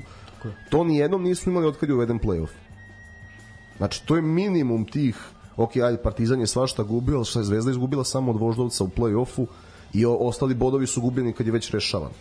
To je, ne treba, nije dobro. Mislim da sad možemo dobiti ovako, nešto najbolje do sada što smo imali u Superligi. Tako je. Vule, šta ti kažeš? Šta ti očekuješ u drugom delu? Pa ne bi sada ponavljam, ali isto sam slažen da neće biti ono, neće ni Partizan da odskoči mnogo da se odlepi, neće ni Zvezda.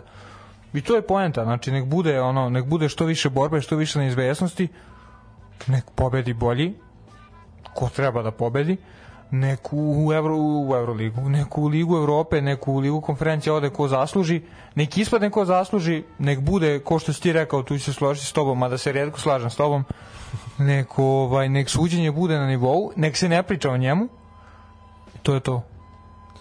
I da, I da li mislite da o ovom nedostatku intenziteta da je doprinalo ponašanje trenera ove sezone? E, to je odlična priča. E, ja moram da pohvalim ovu mladu, mladu gardu trenera, ovaj, sad Radoslav Batak e, kači sliku bili jednom jedna, jedni treneri ovaj, ne, zaista smo dobili nekoliko novih imena i zaista jednu svežu energiju jedne ljude koji su odskakali ovaj od šablona i od tih lopta i okrugla izjava Uh, mislimo tu i na Savića i na Dobrašinovića, pa i Trajkovića dok je bio tu. Lalac svakako iskače iz svih okvira, to, to je sve već, ovo već smo nešto smo navikli. Uh, svakako bio je tu Ranko Popović, znači pa i Dulja isto tako. Znači sve su to ljudi koji uh, Zaj, Feđa Dudić apsolutno uh, Nebojša u IMT-u Znači, Bahar isto nije pričao o sudijama. Apsolutno. Pa pazi, Ćurčić u Javoru. Znači, bez obzira što je on poznato ime, ali on nije šablonski, razumeš? Ne, ne, ne, on, je, on se uvek normalno ponašao. Tako, imao si Dodića u jednom periodu, pa sada ajde preševam na drugu funkciju. Znači, Mija Ilovića u Pančevu. Znači, Polaze ti... ljudi od sebe. Tako je. I ja bih to zaista pohvalio i zaista nam toga više treba. Uh, deluje mi da oni ljudi, Žarka Lazitića, bože svakako, do, do njega sam preskočio, ovaj, zaista to je ono što nam treba. Svaka čast opet spominjem Bataku Bataku, Buaču Švabi Milanoviću pa Izi Milinkoviću. Izi Milinkoviću, Slavoljubu Đorđeviću ostalim likovima Uh, što bi rekli Čika Mišo, aj ne, samo nemojte više, znači daj da neka, neka nova energija, nešto uh, i to je ona priča zašto ja želim Valdasa Dambrauskasa kao što smo želeli Feđu Dudića potrebno nam je to, potrebno je ta sveža krv sa strane, e, pogotovo ljudi koji su tako sistematični, koji na takav način, analitični, na takav način pristupaju, a prvo i pre svega su jedna velika gospoda. E to ono što nama treba. Nama to treba pored podloga, o to ono o čemu pričamo. To, to je najveća mana, to je najveća mana, definitivno, ali dobro je, dobro je, dobro je da nema nema ovaj gluposti, nema tih nekih šablonskih izjava koje ne govore ništa ovaj zaista to ono što ja to je meni to je meni ogroman plus pored zanimljivosti intenziteta i sve da se korigujem. E, neispunjenog obećanja prvog potpredsednika saveza će svi dobiti hibridne terene. Šta se s tim dešava eto to je ozbiljno pitanje. Zašto to nije zašto su, ko je dobio? Partizan i Zvezda su samo dobili i I dobro dobili su i novi stadioni što su dodali. Pa, dobro, ne, da ne igraju. Ali od, od onih koji su i već imali stadion, ovi su dobili zbog Evrope i vidimo između ostalog i derbi je bio bolji nego raniji zbog hibrida. Apsolutno. Svaka utakmica u Humskoj, na Rajko Mitiću i na, u Topoli, pa i krov tržnog centra Voždovca, pa i Pančevo ne, Pančevo je su upravo zbog te podloge pokazuju se kvalitet. Meni je žao što nemamo osam terena kao što ima HNL, da mi, da mi igramo na onakvim terenima, naša liga bi bila još zanimljivija, još više golova i da vidiš, uh, moram, to, to je jedna stvar koja me onako baš me, baš mi je bilo krivo. HNL je izbacio album sa sličicama. Znaš koje, koje, kojom brzinom se rasprodalo? Znači za dva dana. A zašto? Zato što se priča o ligi, zato što imaš emisija nekoliko ligi, nekoliko podcasta, zato što se prenosi, zato što sve, zato što je lepo upakovan. Pazi, nisu njihovi stadioni ne znam šta, ali ta podloga izgleda pristojno. Na 9 od 10 stadiona izgleda pristojno. I više nego pristojno. I to je ono što nama fali. Znači, pazi, ljudi lepe na supermarketima po Hrvatskoj nemamo, nemojte nas pitati, nemamo. Prodali smo. Pazi, to je nešto prelepo. To nama treba. Svaka im čast. To je nama treba. Nama treba, zamisli se, ja bi prvi to skupljao. To je, zamisli, ne, pa mi zamisli bismo, tapkamo se za Varjačića. Šta bih dao? Da, dao ne, tapkanje keš, brate. keš, brate. Znači, ono kao Ronaldinho vredi 10, da. što je Ronaldinho, da. To je to. Tako da, eto, to je ono što nam ja želim što se tiče Superlige u nove godini, pored terena, mislim da bi nam to zaista bilo onako. Ta popularnost i ta priča. Lepo si ovo završio. Misliš? Da, da, slažem se. Svaka čast. Da, što Pazi, kad ja tebe pohvalim, onda ti je sve jasno. Ljubi brat. tebe tvoj Onda ti je sve jasno. Ljubi tebe tvoj brat. Uh, tako da, eto, to su neke naše želje. Uh, najverovatnije ćemo imati još jedno novogodišnje druženje, to ćemo ovaj se svakako ćemo najaviti preko mreža, pa ćemo onda i mi ići na zasluženu pauzu. Termin će biti naknadno objavljen. Tako, bravo. Kako bravo. dobro Moramo biti pravi superligaši. Moramo biti pravi, u poslednjem trenutku da se sazna, znaš, u sredu za petak da se sazna. Uh, tako da... U dva. U dva. Matine termin, ono, mi pa petlici imaju termin. Uh, tačni trening. Uh, pa ne znam, imate još nešto da dodate? Mislim da smo sve rekli, to je to. Nisi PayPal, Patreon. To, to na kraju, to na kraju, to na kraju. Uh, na kraju, brate. kraj, ne, pa završamo. U suštini... Da, tako je. Eto, le, lepa pola sezona, lepa druženja ovde, ono što nam želim i u narednoj godini i još nekim godinama koje ne, dolaze. Apsolutno. Ali eto, ja se nadam, evo, baš to što si pomenuo, eto, želja za narednu godinu neka bude kvalitetniji superligaški fantazi i da se popularizuju neki momci iz lige kojima mi pričamo, da budu prepoznatljiviji prvo zbog svog učinka na terenu, pa onda preko fantazija i onda one tamo godine eto, da mi imamo album sa sličicama naše lige. Evo ovako, samo još jedan podatak, ovo mi je stiglo pa sam to zaboravio. Znači, pazi, statistika nakon 19 odigranih kola. 122 pobede, odnosno poraza, 30 nerešenih rezultata, 407 datih golova, 652 žuta kartona, 25 crvenih i 45 penala. Ono što ja želim superligašima u nove godini da ne bude 407, nek bude još 807 golova, što više to bolje, ovaj, da to bude što, što atraktivnije. Uh, Onda moramo vratiti ranka. Pa da. Svi, svi smo mi pomalo ranko, GG3+. Uh, momci, vama hvala za ovu polusezonu što se tiče priče o Superligi. Mislim da smo izneli apsolutno onako jedan ozbiljan teret na našim leđima, ali bilo je i zadovoljstvo. Uh, hvala svima koji su nas slušali, slali teme, predloge, uh, slali snimke, slali ovaj prilaske stadione, slali, slali slike sa stadiona, sve ono što je bilo zanimljivo prokomentarisati. Vama svima hvala, naravno, kažem, još jedan put ćemo se s vama družiti do kraja godine, pa ćemo se onda opraštati. Uh, što se tiče priče Superligi, ona je ovde završena i negde će biti na pauzi tamo do kraja januara. Bavit ćemo se nekim drugim stvarima, ide rukomet, bit će četiri skakaonice, ide pričat ćemo nečemu. Nešto pa ne, evo, pišite nam vi sami šta Tako biste želeli da čujete od nas. Kao što ste onda rekli, voleli biste da Vuk ja još nam pričamo o košarci. Eto, svako. Eto, malo ćemo se dotaći i košarke. Eto, pošaljite vi lepo pitanja šta biste želeli od stranog sporta i da mi malo to spakujemo za novogodišnje druženje Tako je. Računam bolje nas nego ona prepodnevna veselja po nekim televizijama. Vidi, mi ćemo napraviti takvu žurku, Sandro iz Prslug benda, Prsluka Gena će nas zvati, dobro sam napravio se Fedor Skomaško, ovaj, iz Prsluga Gena će nas zvati da tamo sa tamnim naočarima klimamo glavu. Prsluka Gen i OK band. Da. Uh, to, to upravo sam izimitirao Sandra. Ali dobro, Šteta što ne može se vidi. Sreća, bili smo na radiju, pa se ne vidi. Uh, ljudi, hvala za podrške, hvala za donacije, vaše malo nama znači mnogo, pokrivate naše troškove i naše opstanke, da ne, ne ide baš sve iz našeg džepa i mi to cenimo, naravno uvek može malo bolje i malo jače i malo više, ovaj sportski pozdrav ne sme da stane, ovaj to je svakako, znači PayPal i Patreon imate u linkovima svuda naše naše ovaj načine finansiranja i pomoći donacija. Pratite zapratite nas na našem odvojenom separatističkom YouTube kanalu. Odvojili smo se od Daška i Mlađi i to svakako nešto pokušavamo da razvijamo. Mislim i njih volimo oni su naši gej očevi koji su nas usvojili. Ovaj ali mislim da je to ipak najbolji najlepši gej par ovaj u Srbiji a ne Ana Brnabić i njena i njena supruga, mislim da ova dvojica naša su ipak bolji, mi ih više volimo u svakom slučaju. A i bolje pričaju nego Ana Brnavić. Ovaj, tako da, to je to ljudi, čujemo se najverovatnije 30. decembra, ali kao što je Vule rekao, termin će biti naknadno određen. Ko je? Pozdrav. Hasta luego.